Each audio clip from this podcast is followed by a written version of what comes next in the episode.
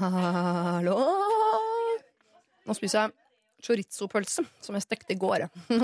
Ganske flink til å planlegge. Det som har skjedd eh, nå, som du ikke vet om, er at eh, her i Lørdagsrådet har vi hatt et aldri så lite utdrikningslag. Så vi har hatt en brud her som tror hun har vært live på radio foran 250 000 lyttere. Hun er så nervøs at hun holder på å tisse på seg. Eh, står utenfor her nå og kakler med forloverne sine og tenker at 'herregud, jeg har vært på radio'. Nå skal jeg snart gå ut og skuffe henne og si eh, 'det har du ikke'. Det blir på en måte den beste delen av det. For, for min del, da, eh, for å si det sånn. Dette er ikke noe vi driver med, så ikke send meg 1000 mail om det. Det er ikke noe vi driver med på fast basis. med mindre du har 100 000 liggende, da. så er det klart at vi skal få ordna noe. Nei da, jeg bare tuller. Du skal ikke tenke på noe annet enn at du nå skal ha en halvannen, tid, halvannen times tid foran deg med fortreffelig radio. Det har vært veldig, veldig, veldig, veldig, veldig morsomt i dag. Ikke sant, Dr. Jones? Kjempegøy! Ja, ok, ha det. P3. Dette er Lørdagsrådet med Siri Kristiansen. På P3. P3. Jeg var jo her for en uke siden, og i mellomtiden der så har jeg rukket å være en aldri så liten tur i Edinburgh, som jo er, um, om ikke favorittby nummer én, så på en topp tre. Kun slått av København og eh, Amsterdam, vil jeg tro. Men det som slo meg når jeg var i Edinburgh nå, i tillegg til alle de eh, fine opplevelsene jeg hadde i Edinburgh, som jeg alltid har der, er hvor mye folk irriterer meg. og det er jo noe jeg har båret på hele livet, at folk ofte irriterer meg. Men når folk da blir eh, mye folk, og i grupper osv., så, videre, så blir det jo mer irriterende. Og spesielt hvis det er japanske turister i flokk, som jeg mener at er eh, mer irriterende folk enn mange andre. Fordi det virker ikke som de eh, er klar over at det fins andre mennesker. Altså de, eh, de beveger seg på en måte i samfunnet som er til forveksling lik sånn som barn beveger seg i samfunnet. Altså de har ikke forstått ennå høyre og venstre, og at man skal flytte seg, og at det fins intimsoner, og at man skal ta hensyn. Altså de har ikke forstått de greiene der. Og i Edinburgh er det mye folk i august, og det var også mye japanske turister, men også vanlige folk som eh, irriterte meg. Jeg tenkte sånn, Kan vi bruke kjøreregler? Kan vi bare bli enige om at vi går sakte til høyre, fort til venstre? At vi eh, ikke stopper på motorveien eller altså, midt i gågater osv. Da trekker vi inn til siden, setter på en eller annen form for nødblink osv. At vi tar litt hensyn til at folk er på vei et sted hele tiden. Det er ikke sånn at verden går rundt og surrer. Vi går ikke rundt i en evig grøt. Folk skal et sted. Det er en A og det er en B, og du eh, som menneske står ofte i veien. Eh, men så slo meg altså denne selvsentrertheten over om det var et eh, glass champagne eller en kopp med kaffe. Det husker jeg ikke eh, akkurat der jeg sitter. Men eh, det er utrolig jævla selvsentrert å gå og tenke dette her. Herregud, så selvsentrert jeg er. Skal folk, skal folk komme helt fra Japan og til Edinburgh for å ta hensyn til at jeg skal fra A og B? Altså, det er jo helt meningsløst. Skal folk gå rundt og tenke sånn Vent, da. Nå må jeg passe på hvordan jeg beveger meg, for det kan hende at det er en i nærheten her nå. Eh, kanskje en, norsk litt irritert pike som skal rekke noe, eksempel. Det kan jo hende. Kanskje jeg bare burde bevege meg. Stå til høyre, eksempel, sånn at hun kan komme seg kjapt forbi til venstre. Som om samfunnet skal ta hensyn til at jeg skal noe som helst. Jeg må, jeg må roe meg ned, rett og slett. Altså, jeg må skjønne at min verden, den er bare, bare min. Og det lille, eh, altså at min verden sentreres rundt min akse, altså meg og mitt ego. Det skal vel ikke gå utover andre folk, japanske turister og unger og det hele tatt. Stakkars eh, verden. Jeg kan ikke forvente at verden skal flytte seg bare fordi jeg har en eller annen agenda. Så ja, jeg er selvsentrert, men jeg tar også selvkritikk, og jeg har selvinnsikt og i det hele tatt. Og eh, til sammen så inneholder jo alle de ordene ordet selv, og det i seg selv er jo ganske egoistisk, da. Nå surrer jeg meg inn i noe jeg ikke aner hvor skal ende opp. Bortsett fra at vi skal videre. Eh, Vi skal få rådgiverne på plass. Vi skal få nye problemer. Dette er P3. Forrige uke så var Henriette Stensrup her sammen med Linnea Myhre og Hans Olav Brenner. Og eh, vi prøvde å gi råd til en vennegjeng, eller var vel på vegne av Lise, som hadde en vennegjeng som eh, strakk seg over eh, flere landegrenser. De hadde studert sammen og hadde nå flyttet eh, hjem til hvert sitt land. Men så ofte de kunne, eh, gjerne en gang i året, så dro de på en eller annen tur sammen. En uke eller to, og de koste seg altså i hjel. Og de snakket sammen hver eneste dag via eh, nettet.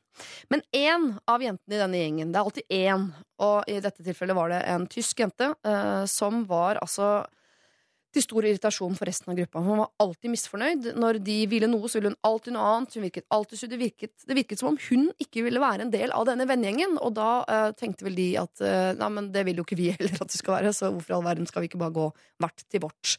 Og nå var det litt konkret også, for de skal jo da selvfølgelig på ny tur neste år, da, til Spanien. Eh, og de har altså ikke noe høyt ønske om å ha henne med seg, men lurer på hvordan de kan overtale tyskerne til å bli hjemme i sitt eget land. Eh, dette spørsmålet stilte jeg da til Henriette Linnea og Hans Olav Brenner, og Hans Olav er ikke like skeptisk til eh, tyskeren som resten av gjengen. Lørdagsrådet. På P3. Kanskje er hun en litt sunn, kritisk røst i dette slags eh, overlykkelige vennegjengkonseptet som de har gående. Hvor de drar på altfor mange turer hvert eneste år til altfor mange land, etter min smak. Hvis du er seks stykker, så er man mange nok òg til å være litt sånn eh, Dele litt på slitasjen, da. Da her har vi en eh, sjette tjeneste, liksom. Og da er det jo veldig mye enklere å si fra at én tar på seg ansvar og sier du, hvordan er det her egentlig? Bare jeg synes du var misfornøyd på forrige tur. Og det kanskje laga en litt sånn damper på stemninga eh, angående neste år, da. Hva, hva skal vi gjøre da? Ja. Man må ta det nå og si sånn Du, takk for sist. Jeg bare lurer på.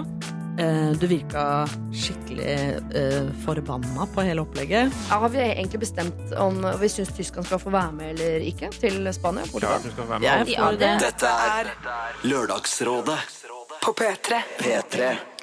Det var altså et lite utvalg av rådene som Lise fikk på vegne av sin eh, vennegjeng, som jo da strekker seg over eh, landegrenser. Vi har fått en mail fra denne Lise, hun skriver Hei!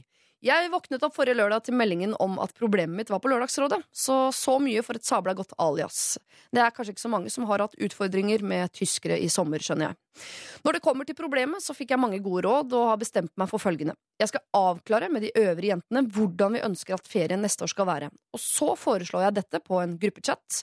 Da får tyskeren muligheten til å være enig eller uenig i hvordan ferien blir. De andre jentene er naturligvis enige fra før. Og så kan hun velge om hun vil være med. Hvis vi ønsker oss to uker på resort uten stress, og hun vil ha utflukt hver eneste dag, ja, så får hun reise med noen andre, da. Det er forbi det punktet hvor vi kan finne et kompromiss. Fordi hvis vi eh, vil til høyre, så kan du banne på at hun vil til venstre. Tålmodigheten med denne dama er dessverre slutt. Takk igjen for gode råd. Hilsen eh, Lise. Ok, Så da har dere på en måte fått råd, og så har dere eh, tatt imot den ballen det jo er, og så har dere kastet den videre til tyskeren og håper at hun skal løse sitt eget problem, som er seg selv. Og det er en uh, kjempemye brukt og kjempefin metode, men at den også blir kalt for en litt feig metode, det er jo ikke helt tilfeldig. Men eh, det kan være løsningen. Ofte så kan det være en løsning å være feig. Igjen uh, prøver jeg å spille uh, ordspill tilbake til annen verdenskrig. Eh, men eh, Lise, lykke til med det. Jeg håper hun på en måte tar hintet i det dere driver med her, og at hun selv velger å bli hjemme. For som dere sier, hun har jo ikke lyst til å være med.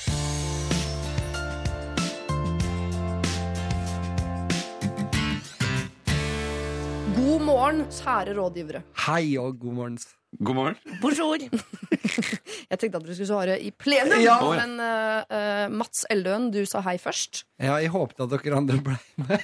Det er vanskelig for de andre å vite Vi driver ikke med teatersport, sånn det er. Vanskelig å vite akkurat hva du skal si. Vi Ja. er ikke treoddet troll i dag. Nei, er. Vi er individer. God morgen, Christian Fredrik Mikkelsen. God morgen. God Du morgen. kom rett fra øya. Det gjør jeg. Rett fra øya. Ikke rett fra øya. Jeg har sovet og dusjet og pusset tenna to ganger. og sånn. Men du har ikke bytta sko. Det har jeg ikke gjort. De er fulle av gjørme. Ja. Eh, så det, det er gummistøvler. Det følte jeg var nødvendig. Eh, På en dag som dette, som er jo skyfri og Ja, skyfri himmel. Men er det gjørme uansett eh, på øya? Eller? Jeg, jeg tror det. Ja. Nå regna det litt i går, og da var det veldig veldig mye gjørme. Masse gjørme. Mm. Eh, Else Kåss Furuseth. Du Svarte som en sånn reporter. Ja. Nå regna- det i går, jo da var det gjørme. Du kan bare roe ned. Du er ikke Ja, direkte fra fronten. Med regn så følger det også gjørme, Siri. Og på øya så har det vært mye gjørme. Direkte inne fra Ja. og så videre. Mm.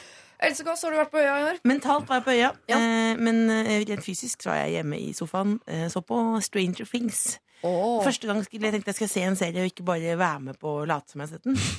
Den er god, altså! Jeg skal Ja. skrive en kronikk om det eh, om et halvt år. Ja, så nå later du som du har vært på øya istedenfor? Ja. Ja, ja. Nei, men det var jo eh, Jeg kan jo si sånn Jeg er mest på øya for det sosiale og sånn. Så er det ikke ingen som savner deg på Øyafestivalen.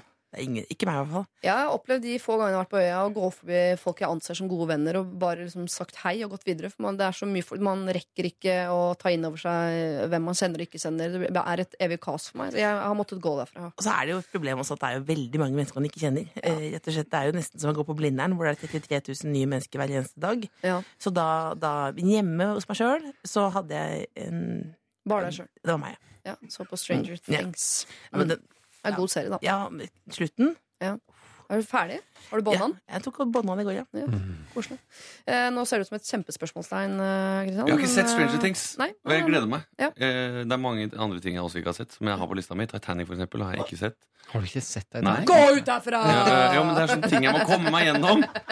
Men husk Og det er ikke for å være kokett, og sånn, men nå, fi- jeg, bare, jeg fikk aldri sett den når den kom ut. Ja, og så men har det gått år etter år. Nei, jeg gjør ikke det. Jeg skulle gjerne Jeg kunne godt er sett den. Jeg kunne godt altså. sett den. Ja, det er litt nerd å skryte Jo, men sånn skryting driver jeg med. Jeg kan, det jeg pleier å følge opp med når folk sier sånne ting, for å, å ha eh, tilsvarende skryt. sånn Jeg har ikke sett Gudfaren. jeg. Ja, ikke sant. Men- men den har jeg sett. Den har jeg sett. En, Ja. to, tre har sett. hva gjør du liksom når du er ute og, på båt, og kjæresten din går og stiller seg helt Jeg, i båten? Jeg vet jo hva det går i. Ja, Liksom. det er jeg så vet jo, det er ikke sånn at jeg ikke har fått med meg noen referanser fra Titanic. Det hadde vært litt rart å skryte av. For da ikke- skriker du IT Fono! Ja.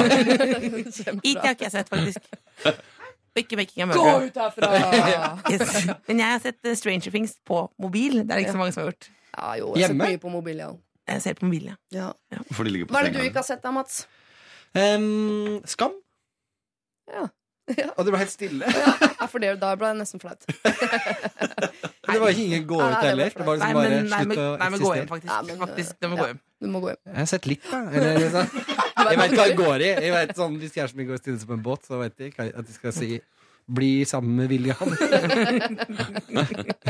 Oi, dette kommer til å bli en veldig morsom morgen. Um, Jeg har tenkt å spørre dere om hobbyer og livsmot. Og det hele tatt, ja, men la oss nå for all del hoppe over det. Jeg føler at vi har blitt godt sendt allerede.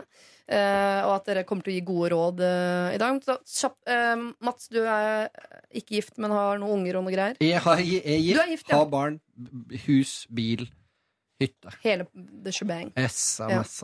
Og så eh, Hvis vi skal gå nedover den stigen, da, så går jeg videre til deg, Christian. Du er jo da eh, Ja. i parforhold Det stemmer. med en kvinne. Ja.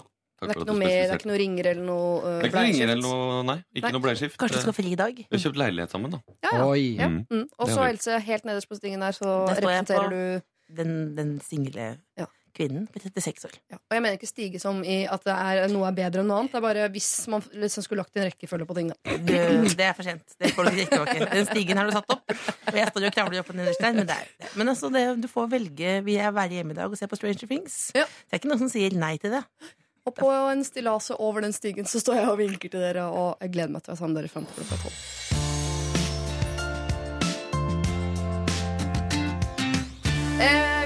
Hiver oss over første problem, som sendes inn av en som uh, kaller seg for Gudrun. Jeg vet at det høres ut som en uh, pornofilm, men uh, det er det altså ikke. Bør det?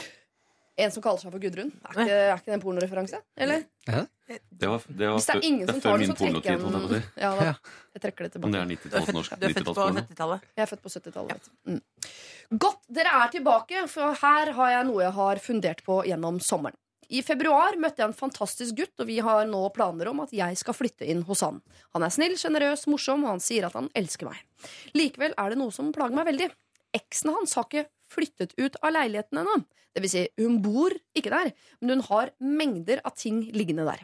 Det ble slutt for to og et halvt år siden, men allikevel ligger det haugevis av klær, bøker, sminke, mat, interiørartikler osv. i leiligheten hans.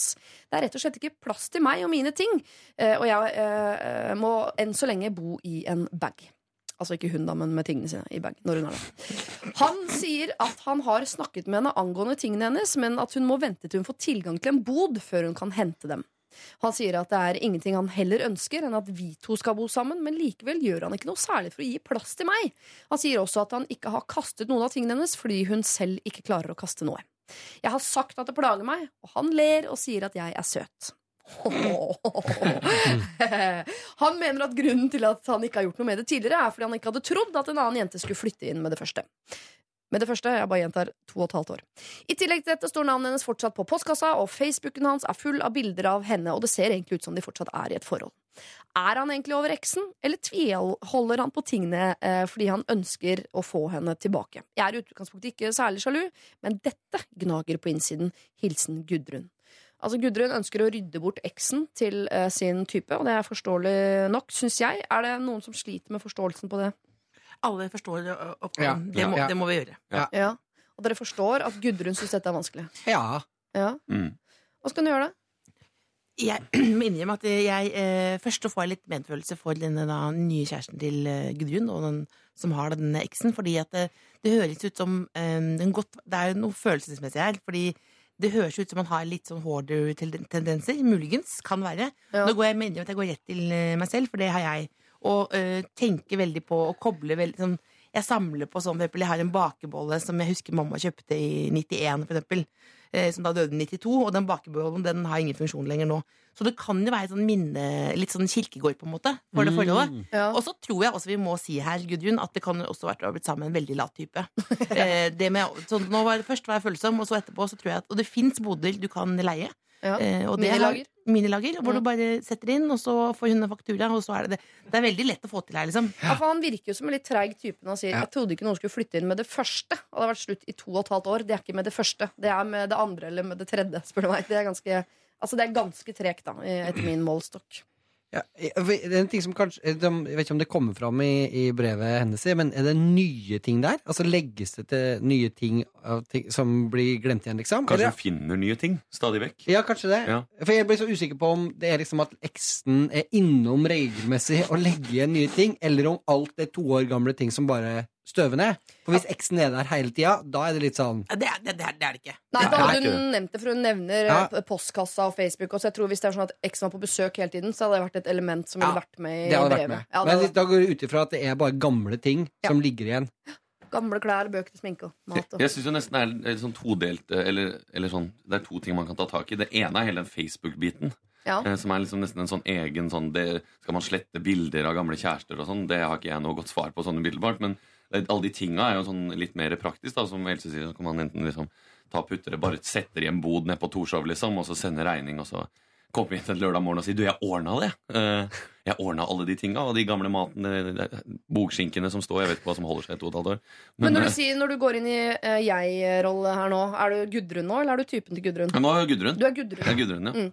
Ja. Men, men det er jo det, er, det var jo ikke Gudrun som har en ekskjæreste. Det er det som er problemet. Det er jo den nye kjæresten Ja. hennes som ikke liksom, eh, Hvis man skal være litt som, som ikke stands up for his woman, det, Mm. hvis man kan si det. Eh, altså at ikke han tar jo At han ordner opp i det og på en måte er liksom Det virker jo på en måte ikke som han er ferdig fordi han eh, har alle disse tingene rundt seg og bor på en måte med eksen samtidig. Mm. Men jeg tror at vi må aldri undervurdere latskap. Jeg tror at han, dette kan være en sånn Hvis det er ålreite ting og alt mulig, og det der med at det ligger noe sminke inni, inni, mm, inne på badet og sånn, det tror jeg Jeg mener ikke å si at jeg har lest den boka 'Kvinner er fra Venus og menn er fra Mars', men jeg tror ikke han ser det nødvendigvis.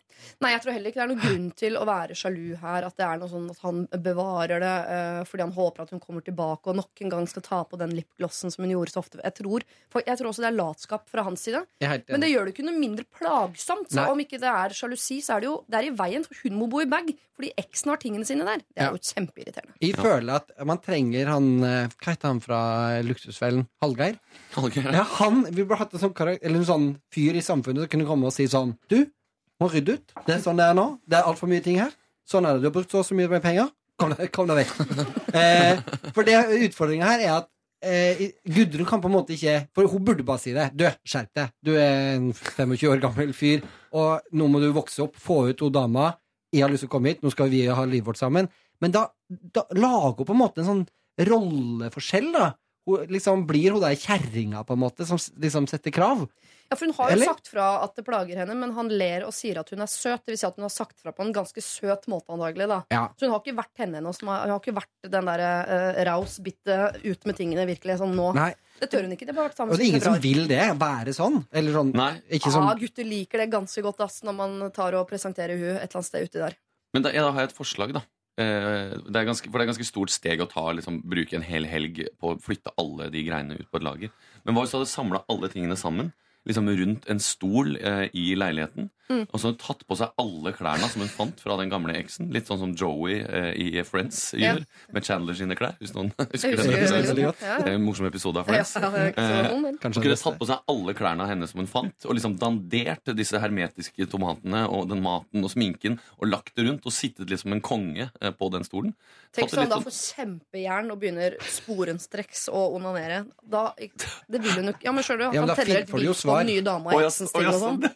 Ja, så må du jo vite, Da må du vite at han elsker deg. ass. Hvis du sitter der med trippel onepiece eh, med noen gammel bogskinke, da må du vite at eh, dette, han, Ja, men dette det er må mannen. man jo satse Ja, på, for det da. er et stort offer for Gudrun, føler jeg. Ja, Jo, og så passer ikke klærne. De er for små til deg, Men- for eksempel. Ja, for ok. det- Men, nå er det mange ting å ta Men det ble jo nevnt her, det ble jo nevnt her Hallgeir, eh, luksusfellen-mannen. Ja. Eh, og så kan vi jo i høyden tenke Hellstrøm, Dr. Phil eller sånt, noe, det er vanskelig å få tak i. Men hva med å få noen venner eh, inn her som kunne Mm. hatt en litt sånn den litt sånn døve intervention-pakka, liksom. Ja. Jeg for eksempel husker at jeg begynte å rydde da eh, søstera mi kom hjem til meg, og så, så hadde jeg hatt et telt som klesskap i et år, eh, som jeg syntes var veldig sånn eh, høstutstillingen-aktig Mm. opplegg, ikke sant? Og så sa hun sånn Har du blitt narkoman?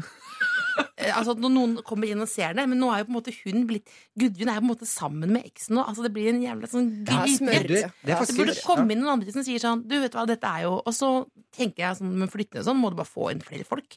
Det er gjort på en og en halv time der.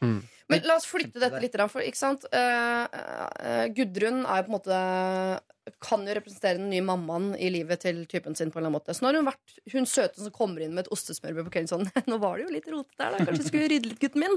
Men på et eller annet tidspunkt så må mamma klikke og si uh, Nå rydder du, ellers så blir det ikke lommepenger. Altså, jeg, jeg føler at Gudrun, når hun har vært sammen februar, siden februar, må slippe ut et bitte lite monster her nå. Være litt streng. For late folk trenger strenge, tydelige beskjeder for at de skal sprette opp av sofaen og begynne å rydde. Ja, jeg er helt enig. Og det går an å pynte på den beskjeden med å si sånn Det er jo så dumt at, at liksom vårt felles eh, boprosjekt skal starte sånn. Ja. At de må være lei med og sur for at dine ting ligger her, og prøve liksom å si at, ja, å si at man liksom ikke har lyst til å at Men ikke skal for være mye, for nå kunne jeg sagt sånn Å, nå er du søt. Mats». Kjeften din! Ja, ikke sant? Det er ikke søtt. Du kan jo bare brenne allting nå. Ja. Det er ikke søtt. Nei, Nei, det er ikke sant. Ikke. Ja. Men da, igjen, da må du være sikker, på at han elsker deg. ja, man legger en litt sånn crazy linje som kan være vanskelig å følge. Hvis man liksom alle krangler skal ende i brenning. Eh, så er det liksom Ja, det burde være siste, ikke et første utkast. Det er siste utvei. Ja. Etter at Hallgeir har kommet og satt opp truser.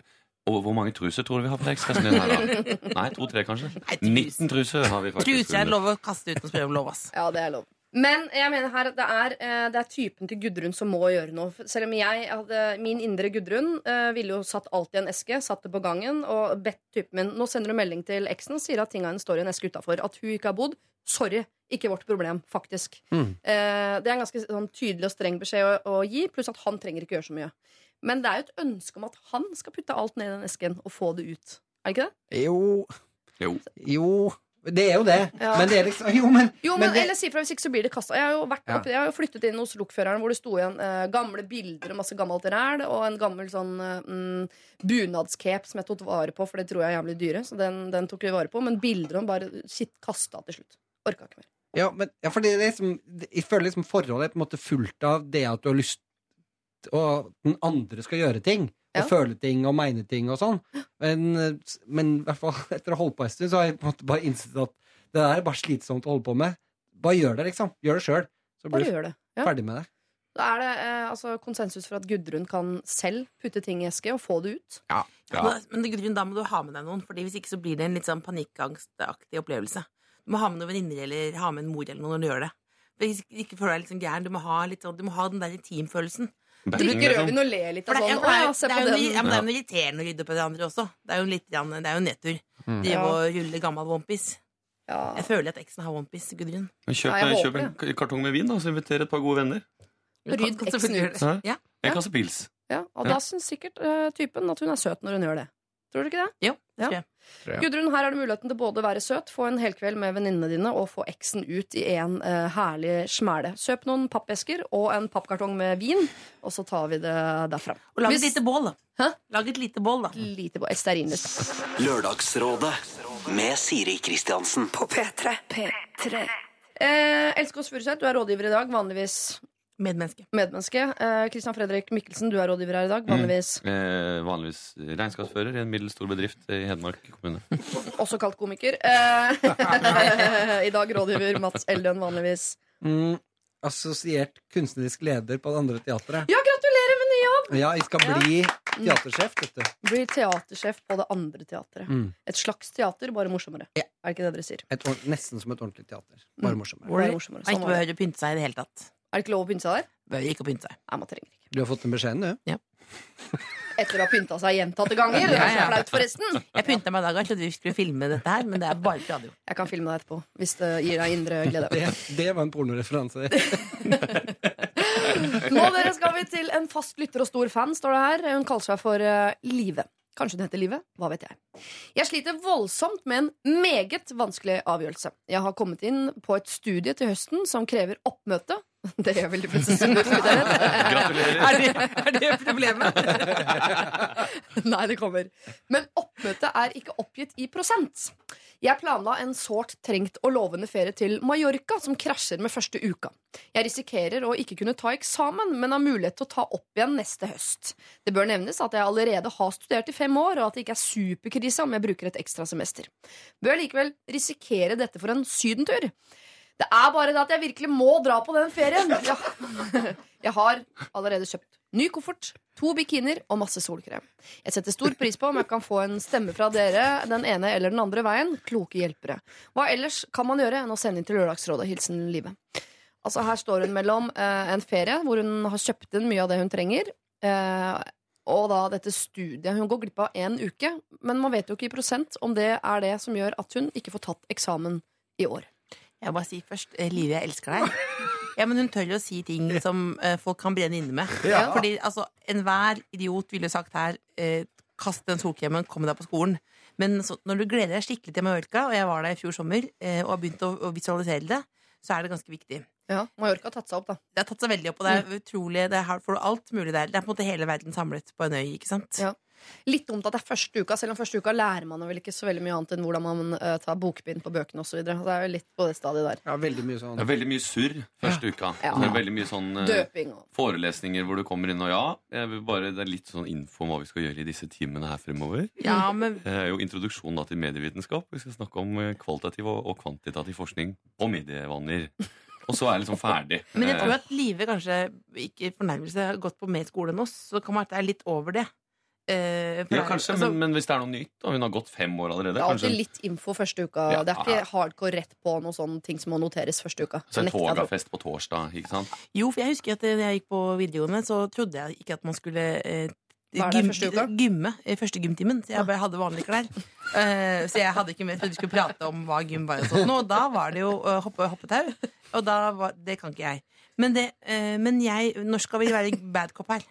Nå, eller? Vær Jeg så kan, god. jeg kan være bad cop her selv om jeg sier at det ikke er noen ting Ja, eh, for- i den uka. Og jeg blir alltid så irritert jeg, på folk som ikke er der første uka. For det er liksom, så får du en inn i klassen som bare Nei, jeg var med kjæresten min på Skopolos eh, første uka, så jeg bare det er noen som har noe Hva skal vi kjøpe av bøker? Ja. Jeg blir alltid litt irritert. Ja. Uh, og jeg, jeg, jeg er liksom litt, kanskje litt redd for å få kjeft da, eh, på generell basis. Så jeg tror ikke jeg hadde turt å dra den første uka. Jeg klarer ikke å visualisere meg, for da ligger den der skolestartuka altfor hardt langt fremme i, eh, på hjernen. da Men jeg husker at jeg, jeg ble også irritert eh, når folk kom, eller spesielt jenter kom og sa sånt. Men Mm. jeg ble først og fremst irritert fordi eh, de signaliserte at de var off the market. De hadde kjæreste. Eh, men hvis så hadde kommet og sagt sånn Jeg har vært på venninnetur med jentene mine på Skopolos. Ligget rundt, klar for å ligge litt mer her på, på studiet. Jeg varma opp, liksom. Jeg var med, da hadde vi vært sånn OK, her skal vi vise hvilke bøker du skal kjøpe. Skal bare ta en liten pillekur først, så om en ukes tid så er jeg ready for a new ja. Men hvis du klar, jeg hadde ikke klart å slappe opp marka, Mallorca, og det er virkelig, hvis ikke du klarer å slappe opp marka, Mallorca, da er det problemer, da. Der. Men, jeg, men hvis vi skal være enda litt mer viktig Hvis vi klarer å glemme det der Mats Eldøens liggetips et lite sekund eh, Ja, det er fint at du har barn og sånn, men altså, det er jo det at eh, det, hun må gå et semester til.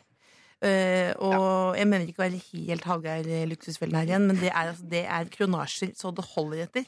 Ja. Et halvt år med skole det må du jo slite med lenge. Og det sier jeg som har gått på Westerdals reklameskole. Mm, det blir dyrt. Ja, det blir dyrt, og du må jo jobbe med de penga veldig lenge etterpå. Så den, den ferien blir kanskje ikke 10 000, det blir kanskje 100 000, da. Ja, for det er dyrere med et ekstra semester på skole enn uh, ny koffert, to bikinier og masse solkrem. Du skal ha kjøpt ganske mye solkrem før det regnestykket der uh, lønner seg. Så jeg, jeg er fornuften i meg tenker eh, litt rart å dra til Mallorca eh, første uka eh, eh, på studiet. Men også sånn sosialt sett. Ikke bare fordi eh, hun er irriterende, men det kan ha skjedd ting den første uka på skolen. Sosialt sett. Folk kan ha knyttet bånd, dannet grupperinger osv. Dannet kollokviegrupper, som jeg vet at de driver med. Og du er på utsiden. Og da hjelper det ikke å være brun, altså. Nei, nei, Det hjelper alltid litt. Jeg syns det er et godt eh, argument til sosiale. Akkurat sånn der o- Hallgeir eh, oppmøtemessig og sånn, så husker jeg at de allierte meg gjerne med folk som bare kunne si at Ja, Mats Jeg, jeg kunne bare rope sånn Ja! Eh, når- det var oppmøtespørsmål. Ingen merka at du ikke var der. Det må du ta selvkritikk på, faktisk. Altså, hvis ikke du, hvis du Ja, men måtte... det er første uka det sosiale har ikke begynt ennå. Jo, det begynner. Det begynner. Det er et spill, det der. Hva skjer første kvelden på Paradise Hotel, da? Alle går og legger seg, eh, og Nei, vi skal ikke ha noe, jeg er edru i kveld. jeg. Det er ikke sånn der. Det er boom, rett inn. Her, jeg hadde ikke hatt nerver til det. Og jeg vil si det, Men altså, et halvt år til med skole. Jeg er enig. Jeg syns ikke det er eh, Jeg synes ikke det er eh, greit med et halvt år til på skolen. Når du allerede har studert i fem år. Jeg Et elsker det halvt livet, år altså, men til eller fra, men da, da begynner du å skli ut. Men da på så lang studie, hva skal du bli for noe, da? Lege, da. Doktoranslag. Nei, Tenk hvis det er lege, da. Tenk hvis du skal bli lege. Altså. Hvis jeg Beklager vet at legen sånn Nei, jeg kan ikke fjerne føflekk, for da var jeg på Mallorca. Og det er jo veldig dumt, da. nei, jeg sier- Og det etter, å, føflekksemesteret tok jeg på Mallorca. Ja. etter å ha studert i fem år, syns jeg hun fortjener en ferie. Ok, Her blir du for snill, ass. ja. Du blir for snill. Kommer seg aldri ut i jobb hvis, eh, hvis det er sånn vi skal skal ja, ha det. Men dere, hvis hun har studert i fem år, så er hun ganske smart. Så det må kunne gå an å finne ut av hva prosenten er for oppmøte på dette semesteret, og se om eh, en uke på Mallorca er innafor. Men da må du vite at du har ikke mye å skli på resten av året. Det er ikke mye tredagers og Langviken på hytta osv. Send en mail til skolen, spør. Ja, men lat som om. Si at eh, du skal eh, bistå en onkel som skal operere no, binyren, eller altså, et eller annet. Eller bare eh, jeg, skal, jeg er, er, er opptatt.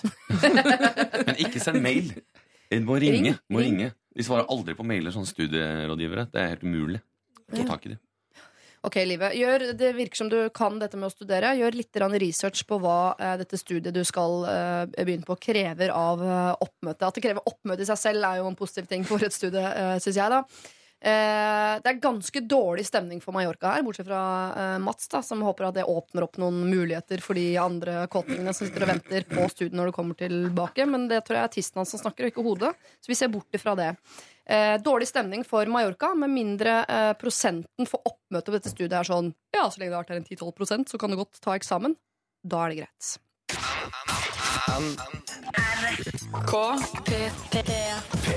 Dere, nå skal jeg lese et problem for dere, og så skal dere umiddelbart etter at jeg har lest mailen, få lov til å eh, svare ja og nei på et spørsmål. Mer får dere ikke lov til å si før dere har tenkt dere om. Er det greit? Forstått? Mm. Hei, kjære Lørdagsrådet. Jeg har bodd i kollektiv i ett år allerede. Jeg bor med tre jenter, og to av de kjente jeg godt fra før. Vi bor i en veldig liten og trang leilighet, og alt har gått helt fint til nå. Når det er sagt, så har alltid den ene jenta, kall henne Ida, vært litt vanskelig å venne seg til. Hun er annet veldig opptatt av å spare strøm, så vi får ikke lov til å bruke oppvaskmaskinen så ofte, osv. Det som har skjedd, er at moren til denne Ida har fått jobb uh, i denne byen hvor vi bor. Moren hennes bor noen timer unna i utgangspunktet, så Ida har invitert moren sin til å bo sammen med oss. Da Ida spurte oss om dette var eh, greit, forsto vi det som det skulle være en midlertidig greie. Så vi sa at det er greit, det. Men det har vist seg å ikke være midlertidig. Moren til Ida skal bo hos oss tre til fire dager i uka hver uke. Ida og moren er helt like personlighetsmessig, så vi er litt redd for at eh, de skal ta over leiligheten. Selv om det har gått fint med én Ida, så vet vi ikke om vi orker to Ida i et helt år. Vi fant også ut at moren til Ida ikke skal betale noen ting for å bo her hos oss. Og det er jo en ekstra person som bruker kjøkken og bad osv. Ida har heller ikke spurt huseier om det er ok at moren hennes bor her. Skal vi tre andre bare finne oss i denne løsningen, siden vi har sagt allerede at det er jo ok? Eller fins det en måte å komme seg ut av dette på? La meg bare legge til at leiligheten er 63 kvadratmeter, så det er allerede godt og trangt for fire personer. Alle har bitte små rom, og vi har ikke stue. Hilsen da Karoline. Altså, eh, de har sagt at det er greit, men jeg spør igjen, kjære rådgivere. Skal mammaen til Ida få lov til å flytte inn i bokollektivet? Ja eller nei, Else? Nei. Christian? Nei. Mats? Nei. Alle mener nei. Moren til Ida skal ikke få lov til å flytte inn i bokollektivet. Jeg mm, syns jeg aner at Else har noe nøling i seg, eh, og det er eh, bra. Kos deg litt med den eh, nølinga mens vi hører Champions. Så skal vi enten naile neiet her, eller åpne opp for et lite tja til om moren til Ida, altså to Idar, skal bo i dette bokollektivet det neste året. Dette er Dette er P3. Dere har benyttet tiden kjære rådgivere, til å spise uh, deilig horn med ost og skinke, som jeg uh, kjøpte på Kiwi Son i går kveld. Uh, Går. I går, ja. det er ikke rykende ferskt, det er det ikke. Det beklager jeg. Men har dere også fått brukt litt grann, uh, mental kapasitet på dette problemet til Karoline? altså om de skal uh, la mammaen til Ida flytte inn i det allerede så veldig trange bokollektivet de bor i. Gratis. 63 kvadratmeter. Og eh, både hun og dattera er litt irriterende personer. De har sagt ja. Dere sa nei, alle sammen. Hun får ikke lov til å flytte inn, sa dere alle sammen. Men de har jo allerede sagt ja. Så eh, hvordan kom man seg ut av det i så fall, da? Jeg syns nesten det mest provoserende her er gratis. Mm. Eh, At det er en voksen dame som jobber, og, og da skal bare bo der tre-fire dager. At man liksom ikke har måtte, sosial eh, kompetanse til å skjønne at hun i hvert fall kunne tilbudt seg å betale noe. Ja. eh, Når det er så mange der inne.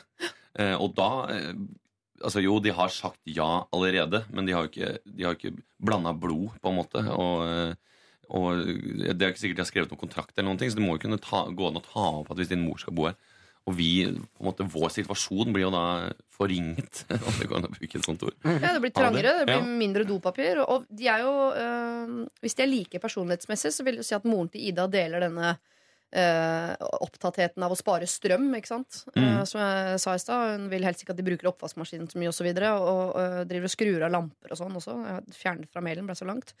Eh, og da, tenk, da er det veldig rart at mor skal inn, bruke strøm, og så, og så er ikke det et problem. Ja. Jeg bodde i en sånn kald leilighet hvor vi sparte strøm, men da var alle enige om det. Ja. Og Vi kalte bare stua for Stalingrad, hvor alle satt med sånne tepper oppi svære sofaer og hutra. Men vi hadde det fint. Men hvis ikke alle er enige om det, så altså, når vi fikk folk på besøk, så var det helt sånn Hva har skjedd her? Er det noe, er det noe galt med varmeovnene? Nei da, vi bare bruker dem ikke. Ja, vi bruker dem ikke. Men hvordan, eh, Nå høres ut som det er en veldig lett sak for Karoline og de to eh, venninnene hennes å si ifra til Ida om at det der med at moren din kan bo her, det trekker vi tilbake. Men, bare, men Ida, eh, Ida er den personen som hun i utgangspunktet ikke kjente. ikke sant? Mm. Så her må du rett og slett eh, ofre Ida. Eh, her må vi ofre Ida, for vi bor jo ikke i Hongkong eller New York. 63 kvadratmeter, det eh, er for lite for fem personer. Er Frida nå du- moren til Ida i din historie? Ida. Ida er hun som er moren, ikke sant? Nei, Ida er datteren. Ja. Og så bruker du navnet Frida her nå. Nei, det er bare den. R-en min som kommer gjennom hele tiden. Den bobler gjennom, beklager så mye. Men så altså- Frida er Ida. Ja, ja, ja. Ja. Altså, hun eh, som har tatt med seg mora si, da. Ja. Eh, altså, det er ikke sånn at eh, eh, fem personer kan ikke bo på 63 kvadratmeter hvis ikke det eh, Det høres veldig råflott ut hvis ikke man eh, på en måte er enig om det. Eh, Man bør like hverandre. Man bør, bør like hverandre. Det bør være eh, Altså, jeg sier det er god plass. Eh, jeg har bodd i kollektiv på 50 kvadrat, og det, da må du på en måte ha Hvis noen begynner å lage egne regler og sånn Jeg har bodd blant annet sammen med noen som eh, skrev navnet sitt på hver banan. Ja, altså, altså denne bananen er min, denne bananen er min, denne bananen er min, ikke ta bananene mine. Mm. Og da, det, det, det, det, kommer ikke til å gå. Eh, og så er det det med så det, så det handler jo Dette er liksom verre enn penger, da. For, hvis det er mulig å si. Ja. Altså, du kan ikke bo med moren til Ida. Jeg, jeg er litt enig i at det, er, det blir vanskelig å bo med moren, moren til Ida. Ja, jeg, jeg er i ferd med å snu. Ehm, for- for jeg startet jo veldig med nei, for det hørtes jo helt forferdelig ut. Men så begynte jeg å tenke at altså, hvis man, altså Ida sine eh, ideer er ikke så dumme. Altså Hun liker å spare strøm og Mm. spare penger. på en måte Det er sånne ting som vi, når vi blir litt modnere og eldre, tenker lurt. Bra for både miljøet og for pengeboka. Er du halvgær igjen nå? Jeg er litt halvgær, kjenner jeg. ja. Eh, og så tenker jeg hun opp, Men hun er litt sånn umoden, Ida. Litt sånn vanskelig å ha med å gjøre. Mm. Mora til Ida ligner på Ida, men er jo eldre. Ja. Ergo mer moden. Så man får på en måte det beste av Ida eh, i den mora som kommer. Ja. Det kommer en voksen dame som er moden, pengebevisst, eh, og som man kan snakke til. Og Eh, så sikkert er flink til å rydde og vaske og lage mat og ikke sant? Men det sies det ingenting om. Nei. Hun er der tre-fire dager i uka. Hun er sikkert dritsliten når hun kommer hjem fra jobben sin som eh, mellomleder i en eller annen middels middelstor bedrift. Ja. Men Problemet er jo ikke at moren til Ida kommer inn og skal være så åh, vi må spare så mye strøm for nå bor moren til Ida her. Nei, Problemet er at det ikke har vært en klarhet i avtalen om hvor lenge hun skulle bo der. Og hvis hun skal bo der et år, så skal hun selvsagt betale for det. Hun er en voksen dame. Tenk hvis du, bor, hvis du er på en måte er Jerry Seinfeld, da, og så kommer plutselig mora til Kramer løpende inn døra hver dag istedenfor Kramer. Du kan You ikke- can't live det er- here! Ja, men det er jo, ja, men du kan ikke, det er jo det at det, hvis du er, eh, bor i kollektiv, så skal du ikke ha foreldre der. Beklager. Ja, ja, men Ja, Det er et veldig fint argument faktisk å gå med der. Vi Ja. bor i kollektiv, vi er unge, vi er studenter. Så Skal ikke Mora di skal selvfølgelig ikke bo her. Altså, det, altså det, de kan komme og rydde og vaske og sånt, Ja. men hvis du skal Altså, nei. nei. nei. Men, hadde Tenk gått deg å ha en mor der du bor. Det er jo, er jo Jeg skulle kjempegjerne hatt en mor der jeg bor, men du kan ikke komme inn som bare, er, som bare kommer inn uten å si ifra. Nei, så, men man kan avklare litt her. ja. Altså, man kan avklare litt med, for Det høres ut som hun ikke har begynt å bo der ennå. Dette er fremdeles litt i fremtida og kommer til å komme. Men, Det men, går an å avklare. Du kan få penger, ekstra penger fra mor. Du kan få strømbrisk gammel dame. Og du kan få vaskehjelp og middagslager. Altså, Win-win. Men Men da, kan de si jeg, bare, jeg har hengt meg veldig opp i en gammel historie som jeg er veldig veldig glad i. Nemlig i Obos-blokker, hvor det da ikke er lov til å ha katt. Eh, så kan man ha katt, fordi eh, Obos har ikke lov til å bestemme hva du kan ha inni leiligheten din, eh, så så fremt ikke strider mot de norske lover. Så vil si at Ida, eh, hva hun har inne på rommet sitt, er det ingen som kan henge seg opp i. Hvis hun vil ha moren sin inne på rommet sitt, så kan hun det. Men hvis hun skal benytte fellesarealet, altså kjøkken og bad De kan jo late som sånn Oi, skal hun bruke kjøkken og bad? Nei, men det koster penger. Hva du har, At moren din er inne på rommet ditt, det er greit. Men hvis hun skal ut av rommet ditt fordi eh, det med katten Den kunne være inne i leiligheten, men du måtte bære den ut i hagen. Du kunne ikke bruke trappa så videre. Hun vant rettssaken, hun som hadde katt, mot Obos. Veldig, veldig fin historie. Ganske rørende. Burde bli film. Eh, men moren til Ida kan bo inn på rommet til Ida. Hvis hun skal benytte seg av fellesarealet, det koster penger. Det er litt smålig, det er litt smålig løsning. men, Er jeg må? Eller litt sånn å ta det på teknikaliteter, liksom. men jeg mener, jeg står faktisk i Ja, ja, på den konfliktsky høyborg, altså. Men, det, men altså, dette her er altså, altså, hvis de er venner, de må på en måte Dette må vi kunne snakke om. Ja. Her må vi, jeg, jeg må lure på om vi må ta fram en pappvin igjen jeg, altså, og, bare, og si at dette her Hva er det som skjer for noe, liksom? Fordi at, eller vet du hva? Alle, vet du hva? Alle de andre kan også invitere sine foreldre. Så kan de se hvordan det føles. Det føltes som en unødvendig omvei å ta noen på slutten av rådgivninga. At vi skal dit nå. sånn rent dramaturgisk. At alle skal ta, hente moren sin. Ja. Og så kan, kan Ida få lov å føle hvordan det føles når fatter'n sitter der og spiser noe horn i sofaen. Ja, en fyr som fyrer, er på, fyrer noe sykt på ovnen. Han bruker Ja. så mye Ja. strøm at det blir full Onkel, onkel Kjell sitter i småfiser borti gangen. Og røyker kafé krem, sigarillos, ut av vinduet. Jeg tror ikke vi kommer fram til én ting her eh, nå. En eneste konklusjon som Karoline skal få. Men vi er enige om noen ting. Da. Vi er ganske enige om at uh, moren ikke skal bo der. Uh, Jeg mener hun kan bo der. hvis hun skal bo der, så har- må hun betale. Ja, Og hun må vaske, hun må lage mat og være trivelig og være det beste av, av Ida. ja. Eh, jeg vet ikke om du kan spørre om det. Er, er moren din en bra utgave av deg, eller en dårlig? Eller er hun Nå kom jeg på en ting. Ja. Kanskje moren til Ida har eh, liksom null penger. Og så tør de ikke å si det. Nei da, eh, det er moren til Ida som betaler for Idas eh, rom i dette kollektive utgangspunktet. Ok, Jeg bare nevner det. Okay. eh, jeg mener helt eh, oppriktig at eh, moren til Ida overhodet ikke kan bo der. Dere gikk på en smell når dere sa ja til det, men dere visste jo ikke hva dere sa ja til. Og det var dumt at dere ikke tok opp det når dere fant ut av at hun faktisk skulle bo der eh, tre-fire dager i uka eh, i eh, det kommende året. Eh, det var dumt, så det må dere ta nå. Da er det jo vanskeligere. Om dere henter fram pappvin eller hva dere gjør, det vet ikke jeg. Men enten du eller du og de to venninnene dine må si fra til Ida at beklager, moren din kan faktisk ikke bo her. Vi er studenter, skal ikke bo noen mor her. Altså, Hun kan godt vaske her, skal ikke bo her. Absolutt ikke. Dette er Lørdagsrådet P3. P3. Eh, Mats Eldøen, impro-skuespiller, men også teatersjef. Mhm. Mhm, snart, i hvert fall. Mhm. Inspe, eller ja det, det er vel det inspe betyr. At Ja. det er på vei, kanskje? vet ikke. Kan Eller- ikke latin så godt. Nei. Ikke heller. Nei, det må du lære deg når du er sjef. Eh, Christian Fredrik Mikkelsen, eller Ja. bare Christian Mikkelsen. Ja. Eh, Standup-komiker og eh, underholdningsmaskin. Underholdningsartist. Ja. Det høres veldig ut som jeg synger gamle slagere hele tiden. Men jeg gjør litt forskjellig, da. Ja, men Ja, det er. Og Else Kåss Furuseth, som akkurat uh, innrømmet at hun gruet seg litt til at hun snart skulle ha standup. pleier ikke å ha så mye standup. Har ikke så mye standup, nei. Nei. Hva er det du driver med? Nei jeg, nei, jeg driver jo Jo, jeg gjør jo mye sånn eh, Men det er jo Altså sånn standup ikke Ja, det er litt skummelt, faktisk. Ja, ja, ja. Eh, men, men, det kan jeg ta med noen andre. Ja. Vi kan ta det, vi kan ta det etterpå med noen andre. det kan jeg ta med noen andre. La meg presentere Tommy uh, for dere. Um, han skriver at vi godt kan kalle han noe annet, blant annet. La oss gjøre det, da. Eh, Frank heter han. Hei, Nei, nå tuller du! Nei, jeg beklager. På vegne Der gikk jeg på en smell. Det innrømmer jeg. Ser dere at jeg begynner å bli rød i Ja. ansiktet? Lite grann? Ja. Så søtt. Er Fortell om, fortell om Frank, Glem alt jeg har sagt. Fortell om Frank. Hei, kjære Lørdagsrådet. Jeg har et litt flaut problem. Det er flaut fordi jeg føler meg eh, som et dårlig og overfladisk menneske som tenker på dette som et problem i det hele tatt. Det har seg nemlig slik at min kjæreste er helt flatbrystet.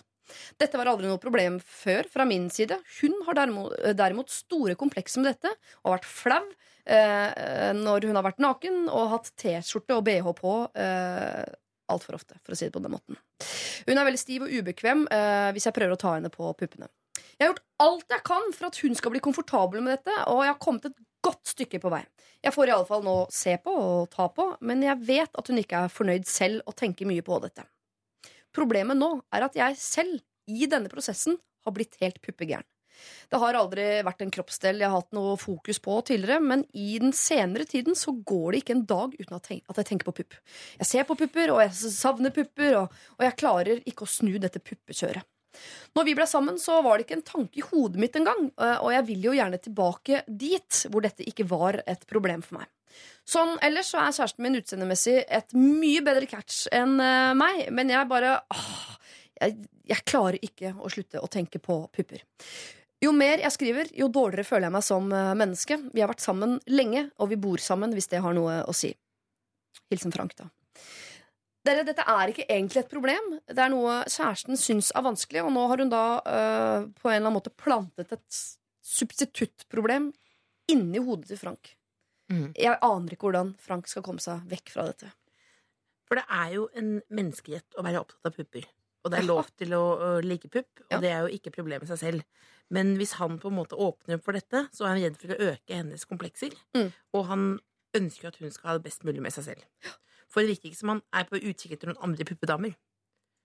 Nei, men hvis han, han vil jo gjerne se pupp hver dag, og jeg tipper at han oppsøker pupp. Jeg tror han har googlet pupp. Bildesøk.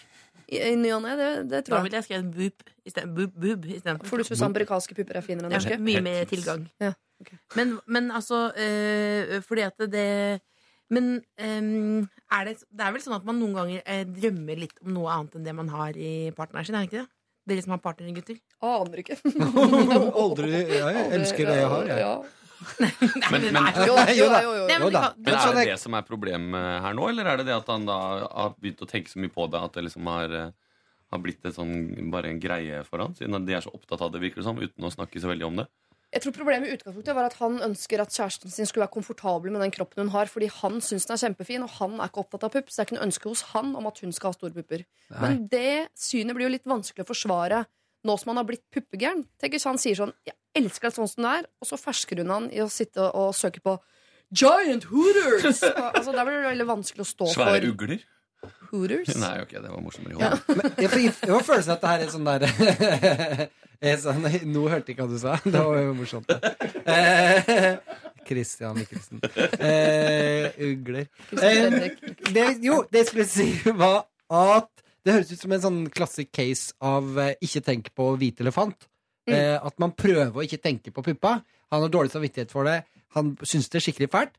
Og da dukker det bare opp mer og mer og mer. og mer Det er jo en klassisk tvangstanke. Mm. Um, så først av alt, sånn som du sier, det er menneskerett å tenke som du eh, der borte. Else. Else Kåss Furuseth. Jeg har lært sånn radiomessig at jeg ikke skal si du. Så jeg prøver å huske på det.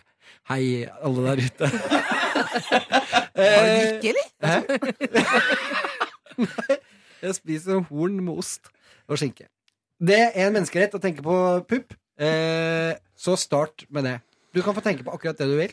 eh, og kom det videre. Men hvis man har en tvangstanke på noe, er ikke da eh, Dette vet jeg ikke, altså, men å flytte fokus over på noe annet? Kan han jobbe iherdig med å si til seg selv 'ikke tenk på rumpe', ikke tenk på rumpe'? Det vil, ikke tenk på øke, rumpe det vil øke. Det vil Mm. øke, da vil det øke. Ja. Så det, men det som ofte man gjør da, er jo eksponeringsterapi. Eh, at du på en måte oppsøker problemet. Hvis du er redd for edderkopper, så går du mot edderkoppen. Mm. Jeg er ikke sikker på at han skal bade nå i 100 pupper for at det skal bli bedre. Eh, men, det, men så lenge han på en måte ikke eh, hvis, Det er jo veldig ubehagelig for han, men så lenge han ikke gjør noe med det, eh, og at det ikke er sånn at han på en måte slutter i jobben, så eh, tror jeg at han, hvis han prøver å liksom gi slipp på det, at det vil bli bedre etter hvert. Men det ser jeg, fordi du krymper øyenbrynene, sier Kristiansen. Nei, Du syns det er et dårlig svar? Nei, nei, nei. Jeg er, helt, jeg er enig i at det er jo ikke et problem så lenge han ikke agerer på det. Men inni eh, hodet hans så er det et problem, for han går og tenker på noe han ikke vil tenke på. Og som han i tillegg får dårlig samvittighet av at han tenker på fordi, eh, eh, fordi han vet at dette er noe som kjæresten tenker enda mer på. Mm. Så eh, det hadde jo vært fint om vi fikk fjernet den tanken. Jeg lærte Sorry. Ja, nei, jeg tenkte bare sånn En helt annen Nå tenker vi veldig mye på hva han tenker på, sånn, men i utgangspunktet så er jo det noe som hun kjæresten sikkert har syntes har vært veldig vanskelig siden hun var ung. da Og jeg Ja. kan jo skjønne at det kan være veldig vanskelig for, for eh, kvinner liksom, hvis, ikke du, hvis ikke du føler deg vel med kroppen din. Men uh, kunne de satt et glass på eh, benken, et liksom syltetøy norgesglass, og fylt opp det med noe penger hver uke, og så sagt at vi skal ordne noen silikonpupper, liksom? Mor måtte si det. Noen, noen sa det. Han sa, du sa Ja, jeg følte at det Apropos var noe man kan snakke om, liksom. Ja. Ja. Jeg syns ikke at eh, Frank her kan foreslå silikon til kjæresten sin. Uh, Frank skal gjøre det han egentlig har gjort hele veien. Uh, hardnakket hele tiden. Si at han syns hun er fin sånn som hun er. Men i går For det syns han i utgangspunktet. Han er Ja. ikke en puppemann. Så at til og med en puppemann Altså en som ikke i utgangspunktet er puppemann, skal foreslå silikon til en jente som sikkert er helt nydelig. Nei, Der må jeg sette ned uh, veto på Ja, men jeg sier ikke at, jeg sier ikke at, jeg sier ikke at, eh, at han liksom eh, Fader, det hadde vært deilig med noen større pupper. Liksom. Men det er jo det, hvis det er så vanskelig for henne, tenker jeg, at, Ja. at man, da kunne man jo ha pratet om det. Sånn. Ikke at jeg ikke syns at du er helt perfekt, liksom, men hvis hun sliter så mye med det, så um, kunne det jo gått an å s- tatt det opp, i hvert fall. Da Da. må forslaget komme fra henne om det norgesglasset og de pengene. Og sånn, så han sier sånn, selvfølgelig, jeg støtter deg i alt du ønsker. For hvis forslaget kommer fra han Mm, så blir det enda verre. ja, ja, Hvis kjæresten har sagt det sånn Jeg syns det er kjempefint, men jeg kan godt være med å spleise hvis du kunne tenkt deg å kanskje forandre noe på kroppen din. Så jeg tenkte sånn Yeah, right. Mm, så du syns jeg er stygg, du, da. Mm, tusen takk. Og så hadde jeg gjort det til slutt. Men nå tror jeg nå har jo på en måte han gjort seg selv til en sånn puppemann eh, og fått en diagnose, liksom. Ja. Hvordan kan vi få pupper til å være mindre viktig? Ikke sånn i samfunnet også. men jeg mener han må bytte ut med ass. Er det ikke sånn at man enten er opptatt av pupper eller rumpe? Han må få inn en rumpe inn i bevisstheten sin som er så stor at den overskygger alle pupper der ute. Jeg, tror, jeg, ville, jeg lærte en gang at uh, man skal prøve å være Når, når folk sier sånn uh, Oi, gjør alltid sånn, tenker alltid på det, tenker alltid på det. Og så lærte jeg da å prøve å være bevisst på alle de gangene man faktisk ikke gjør det. Når du plutselig står og tenker sånn Hm, tissen min ser ut som en snabel. Eh, så nei, nå tenkte jeg på det, og ikke på pupp. Ja ja, jeg har faktisk evnen til å tenke på noe annet enn pupp. Så begynne å prøve å være bevisst på alle de gangene du faktisk ikke tenker på pupp. Sånn at du gjør det der utsagnet 'jeg tenker bare på pupp hele tida' usant. Det er en for- vei videre. Ja, for det virker som om han straffer seg sjøl litt. Han må være litt raus med seg sjøl. Ja. Men kan han liksom prøve liksom å øh, kose seg med hennes pupper? Det hørtes ut som jeg var en pornofilmregissør her nå, men, men altså Hun har jo pupper. Men hun, er jo ikke, hun blir jo veldig stiv og, og kald. Hun er ubekvem med det. Ja. Ikke sant? Men da må han fokusere det på rumpa hennes, da. Fokus, ja, det er det jeg tenker. Fokusere på rumpa hennes. Ja. Men er det lov til Eller hjernen hennes. Oi. Nei da. Selvfølgelig det Les også. på meg. men- Men er det lov til å si sånn eh, eh, Du har eh, eh, Jeg syns det er vanskelig at du har et problem med puppene dine? Eller, eller sånn Det det kan man si. Jeg blir lei meg av at du sliter sånn med dette, for dette syns jo ikke jeg. er- Jeg syns jo du er fin. Jeg, blir, jeg syns det er så trist at du blir lei deg av dette. Er det Ja. noe vi kan gjøre sammen for at du skal få det bedre? Ja. Er det noe jeg kan gjøre? Er det noe Ja, og så videre. hvordan kan vi komme oss eh, videre fra det her? Uten at han trenger å si For vet du hva, jeg tenker på puppa. Han må ikke stå fram som puppegæren. altså, Det må han overhodet ikke gjøre. Men å si ja, kom, ja, for liksom snakke om hans utfordringer og hennes Det var det jeg ville si. Jeg synes Du sa det så mye bedre. Jeg synes det var eh, Nydelig sagt, Mats. Ja, Ja. Du har en nydelig radiostemme også. Ja, og veldig teknisk god. Bruke ordet du også. Du er veldig, veldig god på radio. Jeg tror vi eh, runder av med eh, rådet ditt, jeg, Mats, rett og slett. At eh, kjære deg, eh, Frank, da snakk mer med kjæresten din. Finn ut av hvordan dere kan få eh, henne trygg på at dette ikke er et problem, verken hos henne eller hos deg. Og så lar du de puppegærengreiene dine Det lar du for all del bli på innsiden. Det er ikke noe dere to skal snakke om. Og så prøver du å erstatte den ekstreme opptattheten du har av pupper, med noe annet som kanskje er fint. Få puppene til å gradvis forsvinne ut av bevisstheten din. Tenk mer og mer på at tissen din ser ut som en snabel, eller et eller annet annet som kan eh, erstatte puppene. Eller ring meg, jeg er kjempelage pupper. Kjære Lørdagsrådet. Jeg har et problem som jeg håper dere kan hjelpe meg med, da det haster litt. I sommer ble jeg dumpa av kjæresten min etter et langt forhold. Bruddet kom som et sjokk på meg, og det har vært svært tungt i ettertid. Men det er ikke her problemet ligger. Mens jeg var sammen med kjæresten min, ble jeg godt kjent med et av hans vennepar. La oss kalle dem Henrik og Silje. De skal gifte seg nå ganske snart, og selv om det er slutt mellom meg og eksen, så ønsker Henrik og Silje gjerne at jeg også kommer i deres bryllup. De har tatt kontakt med meg flere ganger og forteller meg hvor viktig det er at jeg kommer. Henrik har uttalt at dersom jeg ikke kommer, så vil de se på dette som et veiskille i vårt vennskap. Tonen mellom meg og eksen min er ok, og vi er venner, men de gangene jeg har møtt han, har jeg blitt ganske deppa i ettertid. I tillegg hadde jeg syntes det var ubehagelig å se for eksempel danse med en annen jente i dette bryllupet. Jeg føler endelig at jeg har kommet meg videre etter bruddet og har eh, klart å se lysere på livet i det siste. Henrik har fortalt meg at eksen min syns det er ok om jeg kommer i bryllupet, men at eksen min tviler på at jeg vil møte opp. Dette får meg til å tenke at jeg kanskje burde gå, fordi jeg ikke ønsker å la han påvirke valgene mine videre. Utenom brudeparet er eksen den eneste jeg kjenner i bryllupet, men i utdrikningslaget til denne Silje så kommer jeg jo til å bli kjent med noen av hennes venninner. Så skal jeg gå i bryllupet, syns dere? Skal jeg gå i utdrikningslaget, syns dere? Og her er noen tilleggsopplysninger. Både bryllup og utdrikningslag finner sted i en annen by enn der jeg bor, så jeg må fly begge ganger. Eh, eksen min skal spille en viktig rolle i dette bryllupet. Jeg velger at han ikke sier hvilken rolle det er, for det er ikke så mange av de. Han skal jo da ikke være brudgom, naturligvis, men toastmaster eller eh, forlover, antagelig. Prest, da. Eller presten. Håper dere kan gi meg ja-nei-svar på om jeg skal gå eller ikke. Tusen takk. Kall meg Ida. Eh, hun ber om ja og nei her på eh, Skal vi forholde oss til bryllup? Hvis hun skal i bryllup, så skal hun utdrikningslag. Ikke Ja. Men bare ja og nei. Kan i hvert begynne der, da. I og med at det er det hun ber om. Jeg vil først og fremst si jeg synes Henrik var en utrolig totalitær type som sier at ikke du kommer i bryllup, så er det et veiskille. Eh, det merka jeg at eh, både jeg og Mats rynka litt på nesa Ja, av jeg ordvalget der. Ja, det var lydlagt uh, neserynking. Det er dessverre en etterpåvirkning av det å skulle gifte seg. eh, At da, da blir man sånn som dette. Da, får man jo så, da, men da, blir man blir man jo dronning og, og herre i eget liv. Eh, og alle andre skal løpe etter, liksom. Jeg beklager, jeg elsker å være i bryllup, og det er verdens beste fest, men altså, du, de, du er ikke blitt Trump i verden. Altså, Hennes følelser er minst like viktige som de skal gifte seg. Ja, det er det. Hun er nå virker det som alle dere har litt problemer med Henrik. Jeg verdsetter Henrik, for han er en fyr som gjør at vi nettopp ikke støter på så mange problemer som vi vanligvis gjør. Fordi han er en type som sier ifra. Og tydelig. ok, det høres litt ut som et ultimatum. Du kommer, ellers så, ellers så er vi uvenner. Men det han sier helt tydelig, er hvis du velger ikke å ikke gå i bryllupet vårt, så er det et veiskille i vårt vennskap. Jeg, jeg skjønner hva han mener. Det er veldig veldig tydelig. Litt, eh, kanskje litt sånn hersketeknikk. Men igjen, tydelig. Noe som gjør at det ikke vil dukke opp uh, andre problemer i dette forholdet på en stund. Tror Kan jeg, jeg komme med et ganske kult forslag? Ja. Eh, Det er at du, hun drar i bryllupet. Det høres litt sånn tullete ut, men jeg mener det alvorlig. Hun drar eh, og har med seg en date. Det hørtes ikke tullete ut i det hele tatt. Og da tenker jeg Uten å spørre om det, eller? Nei, nei, nei, nei, nei, nei, men, nei, men nå sier jo at han er tydelig, og at han er en såpass real kar. Så da kan jeg si at si jeg, jeg er skikkelig hyggelig, jeg har full forståelse for det. Jeg eh, er jo, som du vet, dumpa. jeg blir lei meg for det. Jeg vet, dette er ikke min dag. Eh, og det er mye å be om, for en kuvert i bryllup koster 498 eller noe sånt ofte. Eh, men allikevel så syns jeg det er altså at hun har en ved sin side. Da mener jeg ikke at hun skal eh, eh, eh, råkline med han på dansegulvet. Kan gjøre det også for å gjøre noe sånn spill, liksom, men ha en ved sin side. Må Eh, leie som- inn denne personen, eller hvordan skal man få det på kort varsel? Det er veldig vanskelig å få leid inn sånn jeg prøvde tidligere, og det er også ulovlig Ja, ja. i noen tilfeller. Er det sant? Er det ulovlig? Ja, du, du, ja, men du er jo helt i grenseskillet Ja, Hvis du skal ligge på slutten av kvelden, så blir det ulovlig, men Ja, Bryllup er bryllup, du vet aldri hva som skjer. ikke sant? Så det vil jeg holdt meg unna. Ikke pengetransaksjon her. Ikke vippse noen penger. Men du ser så skeptisk ut nå, Siri. For du tenker at dette er fjollete, eller hva? Jeg skjønner behovet for å ha en, eh, en eskorte. Ja, altså, Men, jeg ser bare at det sender et signal til eksen som er sånn Look at me! Jeg har lite kommet meg videre. Jeg har fått meg date og bare «Wow!» Jeg kommer i bryllupet til dine venner jeg, med en ny type jeg bare har møtt. Ah, ikke vær hun, da. Ja.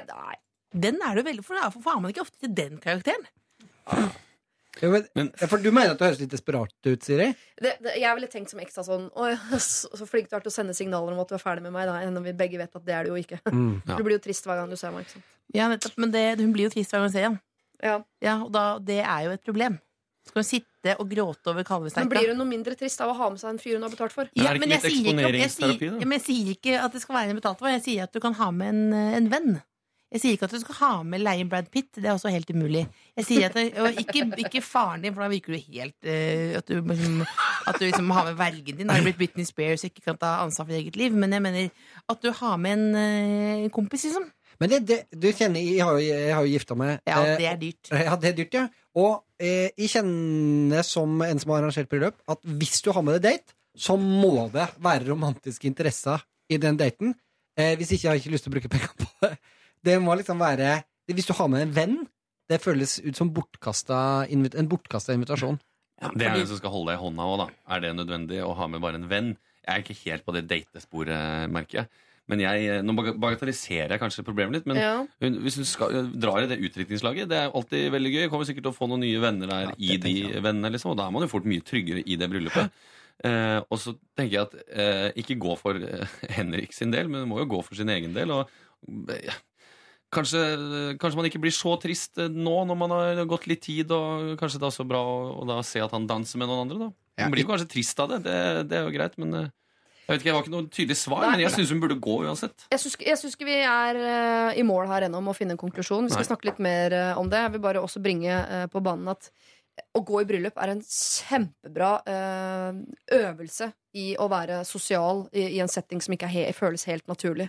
Hun er ikke den eneste der som ikke har mange venner i dette bryllupet. Det kommer tanter og kusiner i det hele tatt. Så det kan være en fin måte å øve på til videre i livet. Hvordan skal hun komme seg gjennom dette bryllupet hvor eksen er, som hun blir lei seg av å se? Jeg ville, hvis hun skal forestille meg at de er der Ja. Jeg ville ha stilt meg spørsmålet Hvorfor er jeg her? Er jeg her for å please eh, Henrik og, og Silje. Silje? At Mm. de ikke skal bli sur på meg? Er jeg fordi at jeg har lyst på en fremtid sammen med dem? Er jeg for at jeg skal liksom komme med videre i livet? Eller er jeg her fordi at jeg var redd og ikke turte å gjøre noe annet enn å komme? Hvis svaret er liksom at du er her for din egen del, så bare Da veit du det. Stol på det, og kos det maks. Og eh, hvis jeg hørte måtte reise til en annen by, Mm. der hun ikke Fly. kjenner Fly. Fly. Kjenner ikke så mange. Det er perfekt. For hvis det ikke funker, kan du bare dra. På hotellet? Nei, du kan dra ut i byen.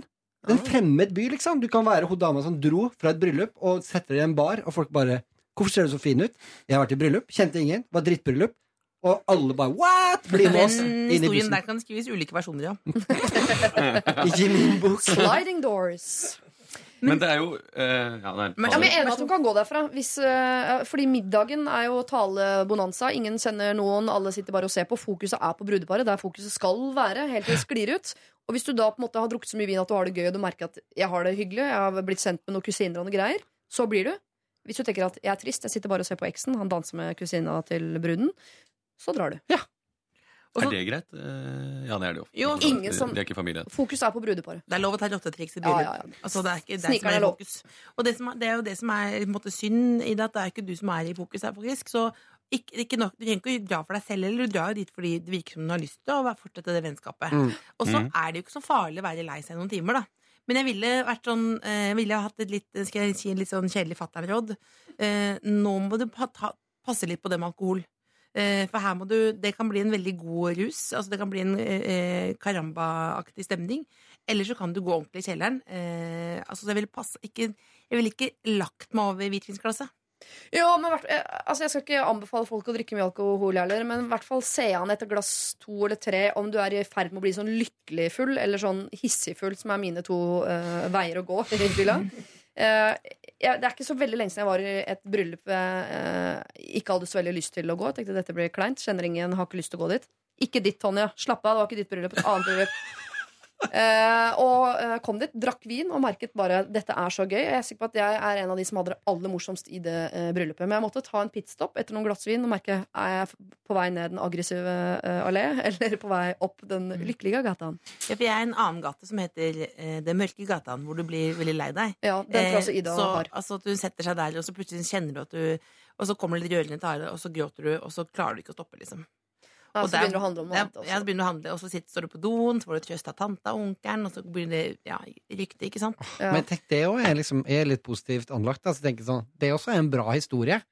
Men, Og det er jo ikke farlig, som sier. Det er ikke farlig, det er ikke farlig å være litt lei seg. nei, og Hva hvert det siden du ikke kjenner så mange her, der er liksom Hadde det her vært liksom her var alle du kjenner, så du, Hver gang du drar i, i slektstreff, så får du høre sånn Husker du da du sto på do og grein og tissa på deg? Det slipper du. slipper Du Du møter alle de folka igjen, med mindre du behøver, jo ikke det å tisse på seg er veldig sjelden skjer, da. Ja, men, men hvis men, altså, men hvis ah, det kommer litt an på hvem som forteller men, historien. men, eh, men hvis hun Altså, eh, alle vi, eh, altså Mikkelsen og Elløen og Kristiansen og jeg her, eh, vi vil jo gi en diplom til Ida hvis hun reiser på festen, og Mm. vi ønsker at det, hun kommer til å ha det gøy. Altså, det, det, er jo, det er jo verdens beste fest. Det er jo langt over dåp på julaften. Mm. Så det er jo gode Og det er jo ofte litt sånn Eller på film er det ofte sånn en eller annen kjekk fyr. Annen kjekk fyr og sånn i bryllup. Jeg har ikke opplevd det personlig, men det er ofte noen Men ikke tenk så mye. Dra i bryllupet, se det an hvordan det blir, og dra dit med intensjonen To mennesker jeg liker, og som ønsker å ha meg der, skal gifte seg. Jeg skal opp dit og feire dem. Det holder av tanker, på en måte. Og så, øh, og så får du se åssen det går. Om du må gå tidlig, eller om det blir hele natta, eller om du blir lei deg, eller om du blir glad, eller hvilken vei du går ned liksom, etter noen glass øh, med vin. Går det noe bare sånn er det, altså, det, det kan bli sånn som plutselig sex med anneksen òg? Eller er det eh, sånn Anneksen. Ja, Med Ja. med eksen? Altså, det er, det er lov, det òg? Eller?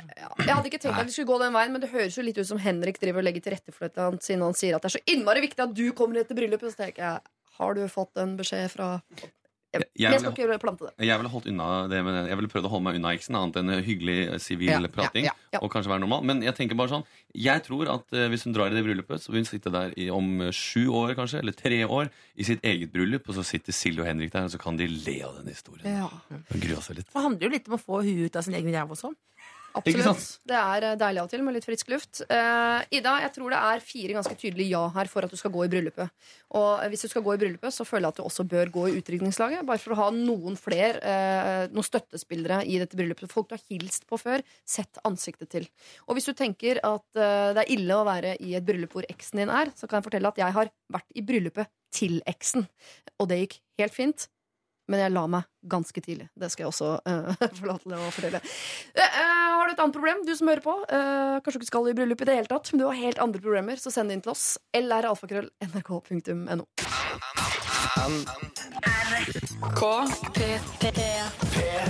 Eh, Lørdagsrådet Hører du på nå? Vi skal eh, ture. Hva sa ikke jeg til dere i dag morges, kjære rådgiver, at sånn rundt klokken 11 så kommer jeg til å få en liten dupp? Mm. En liten dipp, eller kall Men det hva du spis litt sånn ølpølse, da.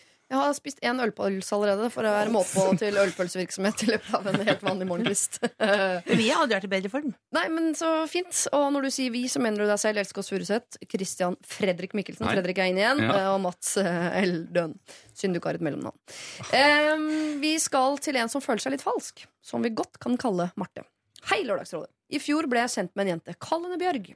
Jeg har gått på samme skole med henne i tolv år, men vi var ikke noe særlig gode venner uh, før. Uh, men det var ikke sånn at vi hatet hverandre heller. Etter at vi har blitt sendt nå, så har vi det kjempegøy. Vi ler, koser oss, henger sammen, chatter hver dag og kjøper ofte gaver til hverandre. Så til problemet. Av en eller annen grunn så tror hun at jeg elsker Skittles. Vet alle hva Skittles er? Ja, Det er godt. Ja, Det er et godteri med masse farger og som er kjempegodt. Et godt godteri. Ser ut som Nonstop, bare eh, Litt mindre og sterkere farger, og så er det fruktpastiller. Ja. på en måte mm. Hun kjøper store poser med Skittles til meg hver gang hun gir meg en gave, og er kjempefornøyd når jeg åpner den og sier at jeg elsker Skittles, og later som om jeg blir overrasket. Men for det første, jeg blir jo ikke overrasket, og jeg liker heller ikke Skittles. På det året vi har vært venner, har jeg mottatt over åtte poser med dette godteriet, og hver gang gir jeg det videre til venner og familie som faktisk liker det. Hva skal jeg gjøre? Skal jeg fortelle henne at hun har kastet bort masse penger på å kjøpe ting jeg ikke liker, eller skal jeg fortsette å gi bort gavene hun gir til meg? Hilsen en som føler seg litt falsk. Kall meg Marte. jeg føler at uansett hva hun har kalt seg her, så er det Skittles-greiene. Eh, hvis venninnen din Bjørg hører på, så er det ja. Eh, men, men. That's on you. Men går det an å, å si at man Åh, du vet hva jeg har begynt å tenke på i det siste? At jeg, jeg har gått litt lei av Skittles. Ja, det Det, da feiger man litt ut, men, men det, det går jo an å gå lei av ting, liksom. Det er lov å feige ut hvis det, intensjonen er å skåne andre. Det mener jeg det er Ja, ja. en regel for ljuging. Hvis du ljuger for å skåne andre, Ja. Men sånn som jeg spiste avokado på jobben hver dag eh, i et halvt år nesten. Ja. På knekkebrød med hvitost. Og det syns jeg var helt sinnssykt godt. Helt til jeg plutselig en dag ble veldig lei av avokado. Det kom brått, eh, brutalt. Og jeg sluttet og gikk da over til makrell i tomat i stedet. Og nå eh, merker jeg at kanskje det må ta en liten pause fra makrell i tomat. Eh, så det er noe folk kan kjenne seg igjen i, mener jeg. Så eh, ja. Ellers må, du, ellers må du ta den pappvinen og så må du sette deg ned en kveld og si jeg beklager at jeg har vært falsk med deg. De flerfoldige 100 kronene du har brukt på taxfree på vei hjem fra Tallinn, eh, de er bortkastet. Men det syns jeg ikke er nødvendig. Men du har ikke det problemet at folk eh, her på jobben på NRK Kjøper avokado til meg. Nei, Nei, Et nett med avokado. hva er jeg på Kiwi? Kjøper jeg en nett med avokado til eh, Kristian. ikke på Kiwi på Solen. Men eh, altså, et kjempestore poser eh, med Skittles. Først vil jeg vite hvor kan man skaffe det. Og så eh, lurer jeg på jeg, På eh, jobben min så er det sånn at da får man alltid massasje i gavekort. Eh, det har jeg fått nå. Jeg har vært der siden 2009. Alltid hvis det er sånn, nå har jeg gjort en god jobb, her får du massasje. Og også parmassasje har jeg fått noen ganger. Jeg er jo ikke et par. Eh, og jeg er heller ikke glad i massasje, for jeg syns det å Jeg er ikke imot det prinsipp, men det å betale noen for å ta på deg, da, da blir jeg alltid litt flau. Ja. Eh, og da, så jeg gir det alltid videre. Og nå har det gått, det kan jeg ikke si noe om, så det må jeg bare fortsette. Jeg får jo alltid massasje til mange tusen kroner, og gir det videre da til pappa og søster og andre. Ja. Så jeg ville vil nok, hvis jeg da eh, hadde vært Skittel til Marte, så hadde nok jeg bare gitt det videre. Eh, og så bare tenkt at det på en måte var en liten sånn En liten flå i deres vennskap. Men du kunne jo fått den til å liksom bare hell, Istedenfor å si noe om at du er lei, og så bare foreslå et nytt godteri. da Jeg får tenke, jeg elsker sånne små Bounty som ligger i pose sammen med Snickers og Milky er Way. og sånn. Jeg kan elske, jeg vet at hun går rett, altså Bjørg går rett forbi Bounty-avdelingen over til Skittles. Men her, et forslag basert på eh, Christian og, og alle sitt forslag, egentlig, om å bytte godteri. Gå på kino, eh, og så bare heng liksom rundt inne på godteriavdelinga, helt til Bjørg sier sånn Marte, se, se, se! se Skittles, Skittles, Skittles! Skittles Og så kan du si sånn Vet du hva, jeg begynte å bli litt eh, Jeg kjenner at jeg begynte å bli litt lei Skittles. Skal vi prøve noe annet i dag? Da får du en litt sånn, sånn et, et bra forum for å bytte godteri. Ja, kan jeg bygge på noe på det? Ja. Eh, hva hvis man er liksom eh, Du står med Bjørg da i godteridisken og Ja. sier Skittles. Og, ja, jeg kan godt ta noen Skittles. Bare lyst til å prøve noe nytt. Og så tar du et godteri du vet du liker, og så sier du Å, fy fader, det var godt! Å, oh, Enda bedre enn Skittles! Bounty, ass! Hvorfor har jeg aldri spist Bounty før? Det er jo, det, det, du må bare ta Skittlesen, du. Altså, for Bounty gjelder for meg nå, liksom. Og så introduserer du for henne at Fader, Bounty er det beste jeg vet, så. Ja. Og jeg har noe Skittles hjemme, det må du bare ta, for nå er jeg- Bounty-dame igjen. Ja. Men altså, Kall meg Bounty-Marte, liksom. nå må vi stole på liksom at uh, Bjørg har en liten hjerne, da. Men nå har vi Altså, gått ja, men, å feige ut. ja, men, ja, men, ja, men, Bjørg, Bjørg, ja, Bjørg tåler det, liksom. Altså, vi trenger ikke å være, Kan vi ikke bare være litt ærlige? Altså, ja, men altså, Det er snakk om godt, det er ganske godt og Nei, jeg- men Det er ikke snakk om godteri og det er ikke snakk om penger. Det er snakk om at Bjørk tror at det er eh, en eller annen ting de har felles. Hun har lagd liksom en snakkis som de skal snakke om i bryllupene til hverandre. Mm. Sånn, Skittles, åh, skittles, de har jo Skittelsen ved, liksom. Altså, jeg har alltid gitt deg det. Det er morsomt når jeg er på reise, så kjøper jeg alltid det til deg. De har, hun har lagd en greie, og så viser jeg at og den greia jeg har lagd, som det er masse positive følelser rundt, vekker negative følelser hos deg. Ja. Ok, men Oi. hva, men hva med eh, Hør her nå. Ja. Eh, Du kan alltid lære deg å like Skittles. Enig, for det er kjempegodt. Det, men det kan du faktisk gjøre. Det- Tenk deg folk her eh, Hvem er det som eh, snuser, røyker eller spiser oliven første gang og tenker wow, dette er en besettelse jeg skal drive med resten av livet mitt. Liksom. Men Skittles er det lett å lure i seg, og det er, det er smått og lett.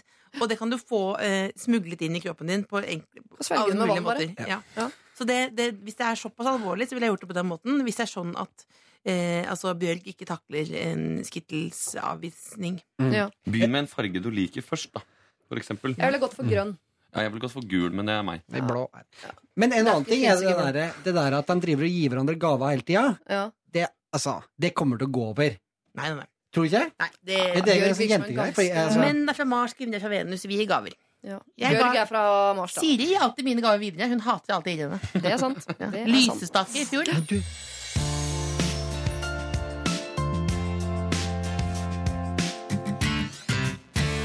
Vi skal kanskje en tur til New York, dere. Eh, Else, har du vært i New York? Ja.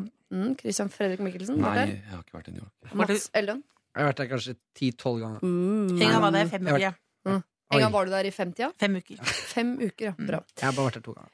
Nå skal vi avgjøre skjebnen til Dina om hvorvidt hun eh, skal eh, joine Else og Mats eh, på dette med å reise til New York, eller om hun skal, som Christian Mikkelsen, ikke oppleve New York. Jeg har vært i Las Vegas, for eksempel. Da. Ja. Hvis du skal nevne andre reisemål vi har vært på. Jeg har vært på vestkysten i USA. Ja, ja. Mye. Det er kjempefint. det. Ja. Jeg har vært i Hawaii har jeg vært på. Iran. Har Det jeg. er veldig flott.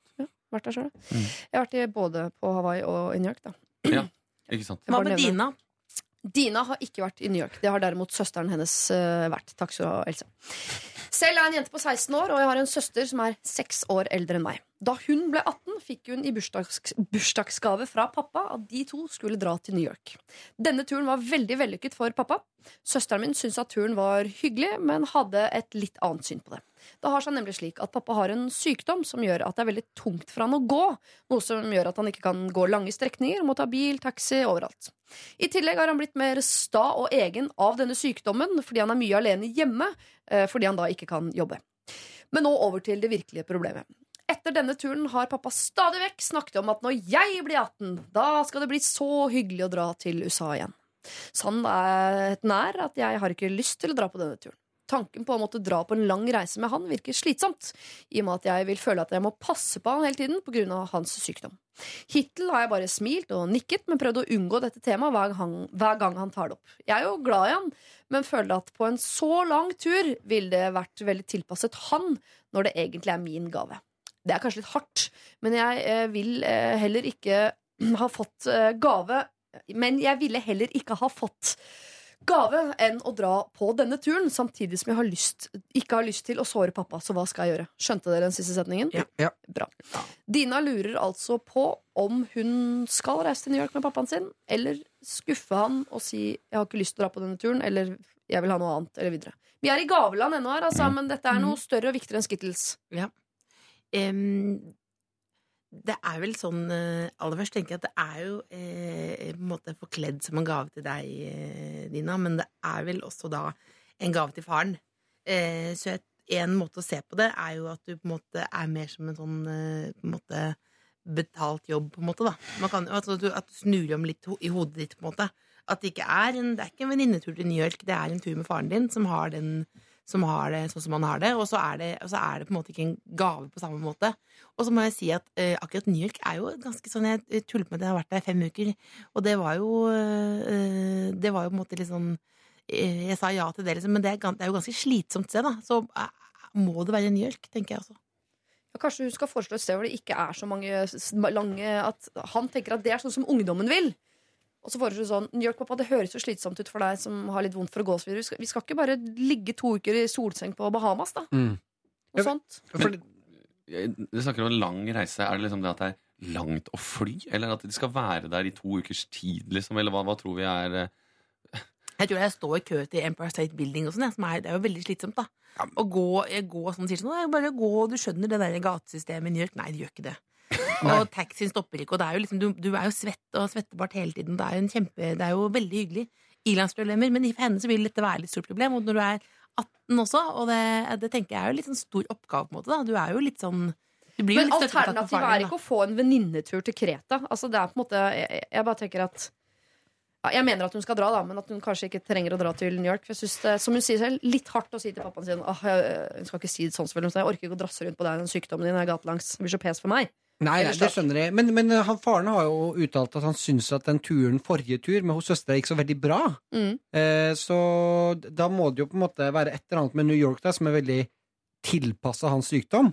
For, eller altså jævla flatt, da. Er det ikke det? Ja, men det kan jo være det, det er jo, Hvis han er en mann for eksempel i 50-årene, da, hva er det du ikke liker ved New York? Du elsker, Det er burgere, det er Teater, musikken, alt, alt du har sett på film. Liksom. Det er jo umulig. Det er jo Mekka.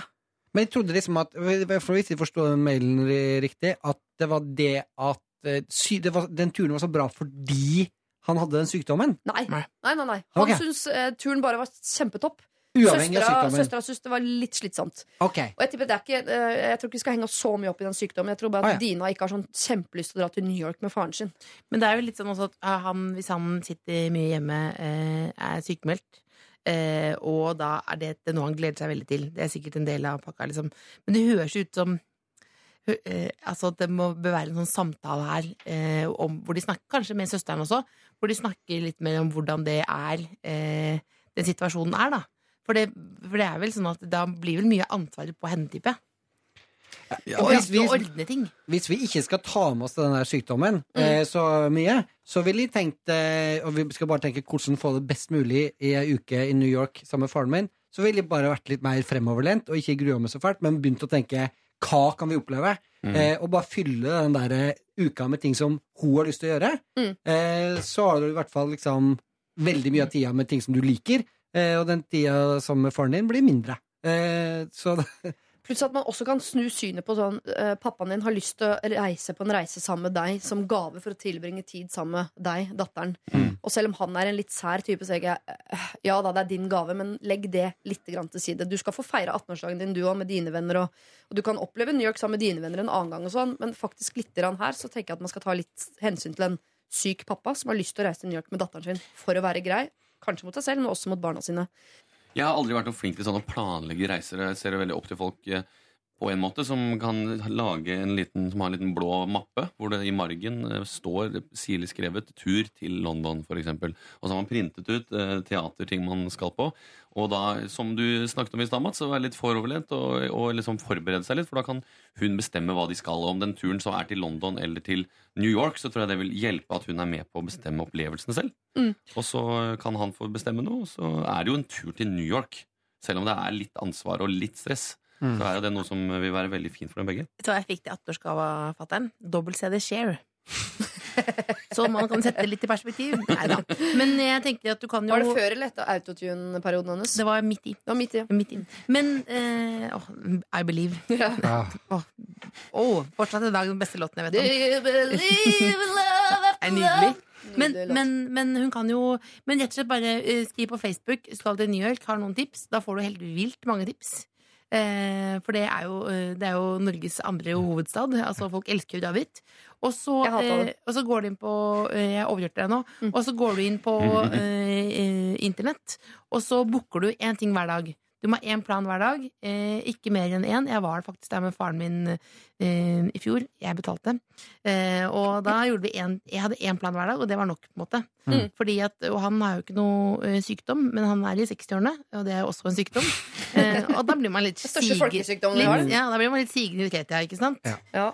Men det er jo en utfordring her eh, at hun er 16, og den turen kommer først om to år. Ja. Eh, og nesten uavhengig hva slags gave hun skal få, så lenge noen snakker om en gave to år før du får, får den, så er det ganske vanskelig å forholde seg til. Allerede snakket om den i fire. I fire, ikke sant? Mm. Det, altså, eh, altså, hadde det vært sånn du skal få en Porsche når du blir 18, og snakke om det hver eneste uke, så hadde jeg blitt ganske lei av den fremtidige Porschen. Nei! Men i stad så snakket vi om eh, en, hadde blitt altså. en annen litt mindre ubetydelig gave, nemlig Skittles, som vi prøvde hardt og iherdig å få bytta om til Bounty.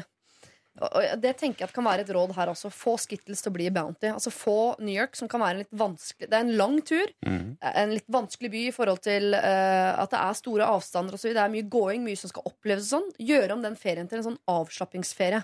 Ta, uh, ta en uke på Kreta, da. Det er ikke så langt. Det er ingenting å oppleve der, så det blir uh, ligge rett ut, sole seg. Og det er på pappas regning, og du er 18 år, så du kan gå ut på kvelden. Altså, jeg, jeg bare tenker at For det kan du ikke i New York, for der er det 21. 21 års drikke, drikkeplikt. Ja. si. Pluss at det er større avstander, det er masse man burde se, det er masse steder man burde gå, det er langt dit, det er masse ansvar. Altså, det er mye mer, mye mer opplevelsesrik tur, men mye mer slitsom tur. Jeg Ja, tenker bare altså- ta ned slitsom-greiene og, og flate ut. Men tror du ikke at, uh, at Papitos uh, i denne historien her eh, ønsker seg en litt sånn metropolaktig tur? Nå har han to, har to år da, på å gjøre ja, det. Ja, men vi kan du velge Paris, for eksempel. da. Det er litt sånn gåing der også, men, eh, Men- folk er ikke så sinte i overgangsfeltene, eksempel. Men- jeg, vil si Palma, jeg. Palma. Palma. Men Palma er Papito i denne historien her Jeg har jo også blitt beskrevet som veldig sta. Mm. Eh, og min opplevelse av eldre menn er i hvert fall hvis de har en opplevelse tidligere som er Mm. bra, så er de helt umulig å rikke på. Hvis de har vært litt sånn 'Jeg har spist eh, på den restauranten her før', eh, og da må den være god også i dag. Det finnes ingen Høres ut som meg, det der. Ja. Det er Ja. litt sånn som Fatter'n har vært i New York i 60-tallet, kommer tilbake i 2000-tallet, skal oppleve mye av det samme. Ja. De stedene fins ikke lenger. Det er et problem. Eh, og han sier eh, du kan gå ut alene, men ikke forlat bydelen. Sånn fungerer ikke i New York. Vær hjemme før midnatt. Altså Det blir veldig mye regler, og da Ja. bør det være en det ble litt mer tilpassa det far-datter-genet. Men da sier Dina Pappa, du har allerede vært i New York med eh, storesøsteren min Frida. Eh, det er liksom deres greie. Kan ikke vi finne på noe? Kan ikke vi ha vår egen greie, og så har vi noe vi kan snakke med om eh, de neste 30 årene? Sånn. Kan, ikke, kan ikke vi liksom oppleve Palma sammen, pappa? Hva sier du til det? Reykjavik. Reykjavik. Hadde jeg vært en, eh, en, ganske, en syk eh, 60-70 år gammel mann nå, Ja. så hadde jeg skifta reisemål. Du hadde det? Ja, Ja. Det er liksom deres greie, det, pappa. Kan ikke vi skape noe eget? Åh, Å, så flott det sagt. smelta. Man, man må høyne det. Det er jo litt dyrere. Florida. Florida. Mm. Dra til Florida. det er jo veldig tilrettelagt for gamle mennesker også. Det er For jo det er bare bare gamle gamle mennesker. mennesker Det er gamle mennesker og folk som tar masse, masse meth. Eh, amfetamin. Crystal Meth. ja. Crystal meth, ikke Mm. sant? Så Det da lærte jeg kan du på få Bloodlines i går. best of both worlds. For. Hvis du kommer ut av eh, sånne metropol eh, New York City og ut på liksom de klassiske store amerikanske byene, i Atlanta for eksempel, Mm. da er det bilkjøring. Eh, Altså 98% av tida. Du skal liksom bort, bort, bort dit. Ja, men meter. Hva bil. er det i Atlanta? Altså, det er Coca-Cola-hovedkvarteret. Det er Atlanta, liksom. Det er ikke... Ja, Jeg Ja, nå syns ikke jeg du tok det litt vel ruralt. Jo, men vi eh, trenger ikke masse Atlanta, tid nå nå på å bli enige om akkurat reisemålet. For det tenker jeg vi får uh, la Dina få lov til å drodle litt i sitt eget sinn på. Hun har to år uh, nå Ja. til å Kanskje drodle seg fram til et annet sammen, sted. og Så kan jo dere dra til Atlanta. Det er kjempe, Vi drar til Tampa Bay. Florida. Tampa Bay. Dina, jeg syns du skal reise på tur med uh, pappaen din, men dra et annet sted. Et sted som både du har lyst til, og som tar bort noe av ansvaret du føler overfor pappaen din, og som han også kan få glede av sammen med deg. God tur! Fortell meg hvor dere skal innen to år. Dette er Er P3. Kjære fine og hjelpsomme lørdagsråd. Kjæresten min hater mensen. Har jeg ubrukte tamponger lig Ubrukte tamponger! Ikke flir allerede der. Nei. Har jeg ubrukte tamponger liggende framme på badet, eller at det ligger i en skuff eller steder der den ikke skal være, skal han poengtere hvor ekkelt det er. Er ubrukt! Det er bare vanlig bomull! Det er så ille at han ikke vil ta på de. Av dette har jeg ofte pakket det vekk med en gang og føler at jeg må ta hensyn. Men det er jo tider hvor det ligger framme, hvis jeg har kjøpt nye, f.eks. Jeg skal pakke de med meg, eh, og når jeg har eh, mensen, har jeg ofte en pakke stående framme på badet. Det samme gjelder også hvis jeg nevner ordet mensen. Ikke det at jeg prater med noen uh, med han om dette, uh, men jeg kan eksempel si åh, jeg har vondt i magen. På grunn av, ja, du vet. For jeg kan i hvert fall ikke nevne selve ordet mensen, men han syns også at det er ekkelt. Det at jeg bare sier at jeg har vondt i magen på grunn av det, det er ekkelt, ifølge han. Jeg har lenge tullet med han om at jeg vil sende dette fjollete problemet til Lørdagsrådet, fordi jeg mener at det er altfor dramatisk. Jeg kan ikke skjønne at det er så ille, og kanskje jeg aldri skal skjønne det heller, hvis dette er en guttegreie. Jeg nevnte i hvert fall at jeg hadde skrevet et utkast til dere, og at jeg godt kunne lese det, sånn at det ikke ble for ensidig fra min side. Men da bare lo han og sa nei takk, jeg vil ikke bli kvalm. Et godt eksempel på hans ståsted og avsky der, altså. Er det bare meg, eller overdriver han veldig? Er dette en guttegreie? Er det så ekkelt? Og hvis det er det, hvorfor er det så ekkelt? Hva skal jeg gjøre? Skal jeg ta mer hensyn ved å aldri nevne ordet mensen og pakke bort alt av tamponger og bind? Eller skal han lære seg å takle at jeg faktisk har mensen? Hva syns dere? Tilleggs- Tilleggsopplysninger. Vi er 27 år gamle, vi har vært sammen i 10 år, vi bor sammen, vi er ikke gift eller har barn. Med vennlig hilsen Mensen-Jenny. Slå opp. Takk for i dag! Hva sier mensen, gutta? Eh, tror du han hører på? Ja. Jeg tror han i hvert fall blir vist det etterpå. Ja. Hør her. Hør her. Mensen, mensen, mensen, mensen, mensen, mensen, mensen, blod, blod, blod, tampong, tampong, tampong, mensen, mensen, mensen, nå kaster han opp. Ja, ja, ja, ja. Men, men eh, altså eh, eh, spurte jo, Hun spurte jo om det bare er et uh, guttetilfelle at mens er ekkelt. Da vil jeg si nei, det er det ikke. Du, så, du ble så kvalm nå. Ja, nei, men jeg, jeg mener at det skal, jo, det skal jo ikke være tabu, og man skal, det skal være fritt og sånt noe. Men det med at det er sånn at det er helt sånn Dette er helt ålreit og sånn, liksom. Jeg tror masse jenter også har masse komplekse følelser rundt det. Så det, å lage et sånn kjønnsdiskurs føler jeg er sånn flaut. Men jeg mener sånn, hvis du har vært sammen med en dame i ti år, eh, og da har du Hvor mange ganger har du ligget med en da, liksom? Ti. Og ja, ti ganger? Nå må du Ja, men ringe 20 da, hvis du har bursdager. Ja, Hvis ikke det er bursdag på samme dag. Ja, men hvis hun har uh, bursdag på skuddår, så har det bare ligget som en Men hun høres jo hun høres jo veldig diskré ut, liksom. Altså, det å se den pakken det, det, det, det skal hun, skal han, er han, Kommer han fra 50-tallet, på en måte? Må du ha det pakket i en sånn brun pose gjemt unna? Nei, for jeg, jeg kan være med på den derre uh, uh, Vi trenger ikke å snakke så mye om det. ikke sant? Å, og det er ikke ordet med altså sånn, Det er jo noen venninner som, sånn som gjerne vil snakke uh, om dette. Og jeg tenker også sånn, Ikke bare fordi det er uinteressant, men er litt, for meg så er det litt sånn Da må jeg se for meg tissen deres og blodet. Altså, det kan bli for mye. Um, Å, jeg har sånn menssmerter i dag. Jeg. ja, ja, det, ikke sant? Det blir ja. ja, stikk og beklager hvis jeg har vært litt dårlig på lørdagsrådet i dag. Jeg har så veldig vondt i magen. Men at det skal stå pakker De er jo nydelige rosa, gule og blå pakker. Altså Der, tenk- der syns jeg han, eh, mannen i forholdet, går for langt i sitt eh, kvalme. Han krever for mye, Ja. på en måte. Ja. Ja, Det er jeg litt enig i. For Det er jo legitimt å kunne føle på at man ikke syns det er det, Ja. det feteste i verden. liksom Det må jo være greit, det, men eh, å bli helt sånn tyrann på det at liksom Men det, altså, det, man, man sier noen ganger at damer er sånn drama queens uh, i den uh, perioden der, liksom. Men han virker jo veldig drama queen, da. Det er jo han som virker som han blir og blåser på og lager til et tema, liksom. Altså, det er jo han som gjør mensen til en veldig tredjepart i forholdet her, liksom. Ja. At det står i en sånn boks. Ja, men se unna, da. Du, så gulp i munnen, og, men hold kjeft om det, liksom. Men så, eh, Mensen-Jenny For det første må man slutte å kalle seg Mensen-Jenny. da Kanskje bare kalle seg for Jenny. Eller Mm, noe som ikke begynner med mensen, mensen. Jenny. Kan selvfølgelig ta det hensyn at hun, hun kan si jeg har vondt i magen, men hun trenger ikke å si sånn på grunn av det. Ikke sant? For da er vi allerede over at han må se for seg eh, blod og tiss og alt det der. Men ehm, et eller annet sted så må jo de møtes på midten. Hvordan skal hun få han til å synes at det er greit at det står tamponger framme på badet? for? For det må være greit. Ja. Det må faktisk være Ja, greit. det er jeg helt enig i. Jeg, eh, jeg får jo inntrykk av at Eller har hun sagt, sagt det? Du må tåle det? Eller har hun bare For det høres ut som hun har prøvd å tilpasse seg. Det høres ut som hun bare gjemt bort tampongene når han har sagt sånn æsj, æsj, æsj. Så har hun gått og henta det. Mm. Men å si du, det må du tåle. Eh, og, og, men også, som dere var inne på, eh, at det går an å anerkjenne følelsene. Liksom. Skjønner at det er ekkelt, på samme måte som et blødende sår. eh, ubehagelig å tenke på. Ja. Det var ekkelt å tenke på min, mitt blødende kjød. Eh, Ikke si det. Ikke si det. ikke si det. Eh, Jeg må gå jeg var på- litt deilig jeg å faktisk gå ned. jeg. Beklager så mye. men, men å, å, det er sikkert noen som friker ut nå av dere som hører på sånn Herregud, det er vel ikke noe ekkelt, det, det er helt naturlig. Sånn, ja, det er naturlig, det er naturlig. Sår og skorper og alt er naturlig, men noen syns det er ekkelt, og det, sånn er det bare. Ja. Det må vi anerkjenne. Men kunne hun eh, på en måte ha, ha gjort et eller annet for å, på en måte, at han skal forstå at han kanskje opptrer litt urimelig? på en måte? Kunne hun funnet noe ved han som liksom, hvis hun, hver gang han legger bokserne framme eller jeg om, Ja, jeg, jeg klarer ikke å finne ha- en Må du ha dopapiret framme, for det minner meg om at du driter med rævhåret. Ja, ikke sant? Det er jo litt sånn, da. Mm. Æsj, nå er så dopapiret framme her. Ja, æsj, betyr det Hvis han sier det vondt i magen Å, jeg får lyst til å bæsje. Oh, ja. Jeg bæsje. Å, det er så jævlig ekkelt, ass. Ikke Eller- stopp, fortsett. Jeg har så vondt i magen. Det er så bæsjesmerter, ass. Bæsjer, en gang i måneden, og jeg får vondt i magen.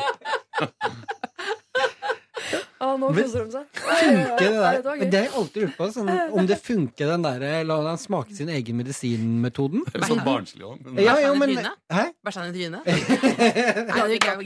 det, det. Jo, men for eksempel sånn det, da. Det er å si det sånn Jeg blir så kvalm når jeg ser dopapiret ligge framme. Og så sier han sånn Hæ? Er du helt rar? Og så sier han sånn ah, Akkurat sånn føler jeg meg når du kommenterer eh, mine mensenplaster. Men, men er det Nei, du har bind, det er tamponger, Du det og kona di mensenkopp. Jo, ikke så mye jo, om jo, mens, jo. Bjab, bjab, bjab, bjab. Men Men, er det Nei, men Funker den type Funker den typen metode? Og, si så, og sier man da sånn Nå skjønner de. På grunn Nå av at du ser jeg meg selv kommenterte utenfra, ja. ja. Men jeg tenkte, i hvert fall Hvis han kanskje. hører på nå, så kan du kanskje i hvert fall være med på å bevisstgjøre han i forhold til hvordan han opptrer. Ja, For nå sånn, sitter jo han mest sannsynlig og får vist dette her, Ja. selv om han sikkert eh, har brekt seg utallige ganger allerede. Hvis han er så følsom og var på akkurat det. Kanskje, Ja. han, kanskje han spyr ut hele uh, aversjonen sin og våkner opp uh, frisk. Og, Det at det er eh, Hva kalte du den terapiformen som du snakket om i stad? At Man bare må presse- Eksponerings- Eksponeringsterapi. Ja. Du Ja, må det. mense på han. rett og Ja. eller noe. Nei, men du, Her må dere møtes på midten. Eh, Slutt å si ordet mens og jeg har vondt i magen pga. det osv. Men at tampongene skal få lov til å stå framme, ja, det må man takle. Ellers får han rydde bort dasspapiret sitt. Ass. Har han mensen? han? P3 Dette er Lørdagsrådet på P3. P3. Kakk motherfucka var det med låta Young You. Ah. Åh, Rydd bort det dopapiret! Æsj! Kan ikke ta en ny rant på det. Det var så morsomt. Kosta meg i hjel med. Eh, jeg husker For lenge siden så gikk jeg på reklameskole sammen med annet Else Kåss Furuseth her og Odd Magnus Williamson, som hadde forslag til en dopapirreklame. Som var da for uh, Lambi. Drite, drite, runke, runke, runke. Drite, drite, runke, runke. Lambi! For det var et eller annet. Veldig morsom radioreklame. Åh. Den kom aldri på lufta, da. Men det var et godt forslag. Dere, eh, vi skal dele ut en kopp. eh, til en av de som har vært En av dere da, som har vært så eh, søte å sende problemene deres inn til oss. Og jeg skal gå gjennom fra toppen. Vi hadde Gudrun som eh, har fått seg kjæreste. De ble sammen i februar. eh, Men eh, alle tingene til eksen hans er fortsatt i leiligheten. Så hun får ikke flyttet inn før han har ryddet bort eksen, som da flyttet ut for to og et halvt år siden. Brenn tingene. Brenn tingene var eh, et uh, veldig konkret forslag der. Og så har vi Live, da, som har kommet inn på studiet, men uh, dessverre så har hun jo kjøpt solkrem og bikini og koffert. Og har tenkt seg en tur til Mallorca den første uken på skolen, men er nervøs for om hun da får lov til å gå opp til eksamen. Vi ba henne vel droppe den Mallorca-turen. Da får du ikke noen venner. Nei, da blir du aleine. Så har vi eh, Karoline, som eh, lurer på om eh, mammaen til Ida kan eh, få lov til å bo gratis i bokollektivet på 63 kvadratmeter sammen med de, når de i utgangspunktet syns Ida er irriterende nok i seg selv. Ikke noe liv er gratis. Så har vi Frank, som har en kjæreste som er helt flatbrystet. Og det er ikke noe problem hos han, men hun syns det er vanskelig, og fordi hun er så opptatt av det, så har han eh, over tid utviklet et slags eh, eh, overdreven puppefascinasjon. Fortsett å få ham til å elske seg selv. Marte hun eh, sier eh, ellers takk til Skittles. Hun har en venninne, de er veldig gode venninner, men hun har fått det for seg at hun elsker Skittles og kjøper det med til henne hele tiden. Åtte ganger har hun fått det nå på et år, og lurer på om hun skal si fra om at du, jeg liker faktisk ikke Skittles, jeg gir det alltid videre. Introduser Bounty. Så har vi Dina som lurer på om hun skal reise til New York med pappaen sin. Han var i New York med storesøsteren hennes for fire år siden i 18-årsgave og ønsker å gi det samme til Dina, men hun har ikke så lyst til å reise til New York med sin far. Du har bare en far, dra på tur. Og eh, helt til slutt her, mensen Jenny, eller Jenny, da, som vi liker å kalle henne aller eh, best. Eh, hun har en type som syns at både ordet mensen er ekkelt, eh, tanken på at hun har mensen er ekkelt. Det kan ikke stå ubrukte tamponger framme på badet engang. Alt er ekkelt. Ingen kommentar. Det er så fise ut på slutten her, Else. Det er så uproft. Jeg vil bare legge til si hva vi, kort hva vi kom fram til her. Ja. Møte på midten. Møtes på midten. Ja. Ja. Gå, over til Møtes Bound. Gå over til Bound. Ja. Jeg vil bare eh, si til deg som syns at mensen er ekkelt, at da bør du ikke jobbe som badevakt på for eksempel Tøyenbadet, for der ligger det brukte tamponger i dusjen osv. som man må fjerne. Oh, ja. Ikke filterne i badebassenget, at de har sklidd ut når man har svømt, for eksempel. Folk som når de dusjer, så tar de ut tampongen, legger det der hvor såpa skal ligge, og så dusjer de. Så glemmer de å ta med seg oh, ja. Ja, for de glemmer det. De gjør det ikke med vilje. ja, Nei, du vet ikke. Kanskje de bare gir F, da. Men Tenk er hvis det, noen tror det er såpe som ligger der, da. men det er ikke sånn at jenter gjør det. Det For guttene på skolen min brukte å ta snusen og kaste den i taket sånn at den hang fast. Ja, nei, det har jeg ikke sett folk gjøre med tamponger, nei. Nei. Vi blør ikke sånn sticky blood. Noen gjør det. Ja, kanskje noen. Noen gjør det. Hvem skal få kapp? Jeg har tenkt litt på hvem som skal få kopp. Mhm. eh, det sto for meg mellom eh, hun som skulle i bryllupet, bryllupet. Mm. Eller vurderte det. Ja. Men det, jeg hadde lyst til å gå for hun første, eh, som hadde en eh, kjæreste som hadde masse tingene hos eksen. Fordi da når, eh, når hun har fått ut alle tingene fra eksen, så kan den koppen liksom være en av de første tingene hun setter inn i leiligheten og sier nå, nå starter vi et nytt og bedre liv her sammen. Så jeg stemmer for hun. Husker du Gudrun? Var det ikke det? Jo. Det er min stemme. Mats? Nei, det var Søren, det var bra eh, inn, eh, innsalg. Det er Eh, ikke om å gjøre å være smartest her, altså, selv om jeg vet at det går ganske mye sport i det blant dere rådgivere. At skal følge med nå, har jeg funnet på noen fiffige greier her. eh, Det er lov bare å være følsom. Ja, da den siste til godeste mensen Jenny. Ha en kopp som står på badet. Fylle den med tamponger. Eh, og plukke en og tømme Ja, du ble litt smart på slutten der. Ja, ikke sant? Du gikk for smart og ikke følsom, du òg. Det var en følelse der. Bare hevn. Det er en av de sterkeste følelsene vi mennesker har. Det, faktisk. Ja. En, eh, altså til Mensen-Jenny har fått en stemme, og det er også Gudrun. Mensen-Jenny og Gudrun. Det høres ut som det er et, eh, Et herlig et, aftensprogram på P4. Mensen-Jenny og Gudrun tilbake! Helt alvor, eh, altså, han mensen-fyren burde jo få en tampong i hodet, for det er jo ikke altså, Han må skjerpe seg. Men, men eh, jeg ville Hun som skal i bryllupet Hun Med eksen. eh, ja. Silje og Henriks bryllup. Ja, for hun- du kommer til å reise til bryllupet, det vet både du og jeg. Eh, du skal dit, men da har du den koppen der. Eh, ikke ta den med på flyet, for da virker du veldig spesiell, men bare Vi tenker på deg. Eh, kanskje du finner mannen i ditt liv på bryllupet. Ja, I bryllupet. Eh, Else har satt eh, da sin knapp på bryllupet. Du var jo innom bryllupet, Jeg var det. Christian. Mm. Eh, men dere må altså bli enige. Og vi må bli enige, Du har ikke noe sånn veto å si da legger jeg min siste tungtveiende stemme? Ja, bare det veto jeg prøver å sende ut med øynene mine fra tid til annen. Men Ok, eh, ja. sånn rent verbalt, nei. Nei, men eh, da må jeg endre meg, da. Nei, vi gir det til henne med Skittles. Det må være helvete å få så full sånn Skittles. Hei, hei, hei, jeg har bare tre rom, så ro ned på Skittlesen. da. Jeg drukner i Skittles. Nei, men Jeg kan bli med på det bryllupet. Så kan, jeg syns hun burde ta den med. Så kan hun bruke det som en eh, liten lykketalisman eh, på flyet. Nå skal jeg bli smart. Ja. Det Drit i det. Gi det til hun. Mark, Gi det altså, det er rart hvor sterkt det behovet der er for å være smart når man, det jeg må kommer til å finne dele ut kopper. en rasjonell løsning for koppen. Men eh, gi det til hun. Hun trenger backing på flyet. Kan hun ha noe sprit i koppen? Er du med, Mats? Nei, bli med på det bryllupsgreia. Husker du meg, Mats? jeg bare begynte å rappe litt. Sånn som skjer på slutten av dagen. Du er med på bryllup. Jeg blir med på det. Bare, om bare fordi at eh, Kanskje hun har et helvete. Kanskje det går til helvete, liksom. Da kan du komme hjem til leiligheta di, og så sitter det en liten kopp der. En kopp i pluss. Hvis du har tips eh, hva du kan si og gjøre i bryllupet, ring meg på 93035290.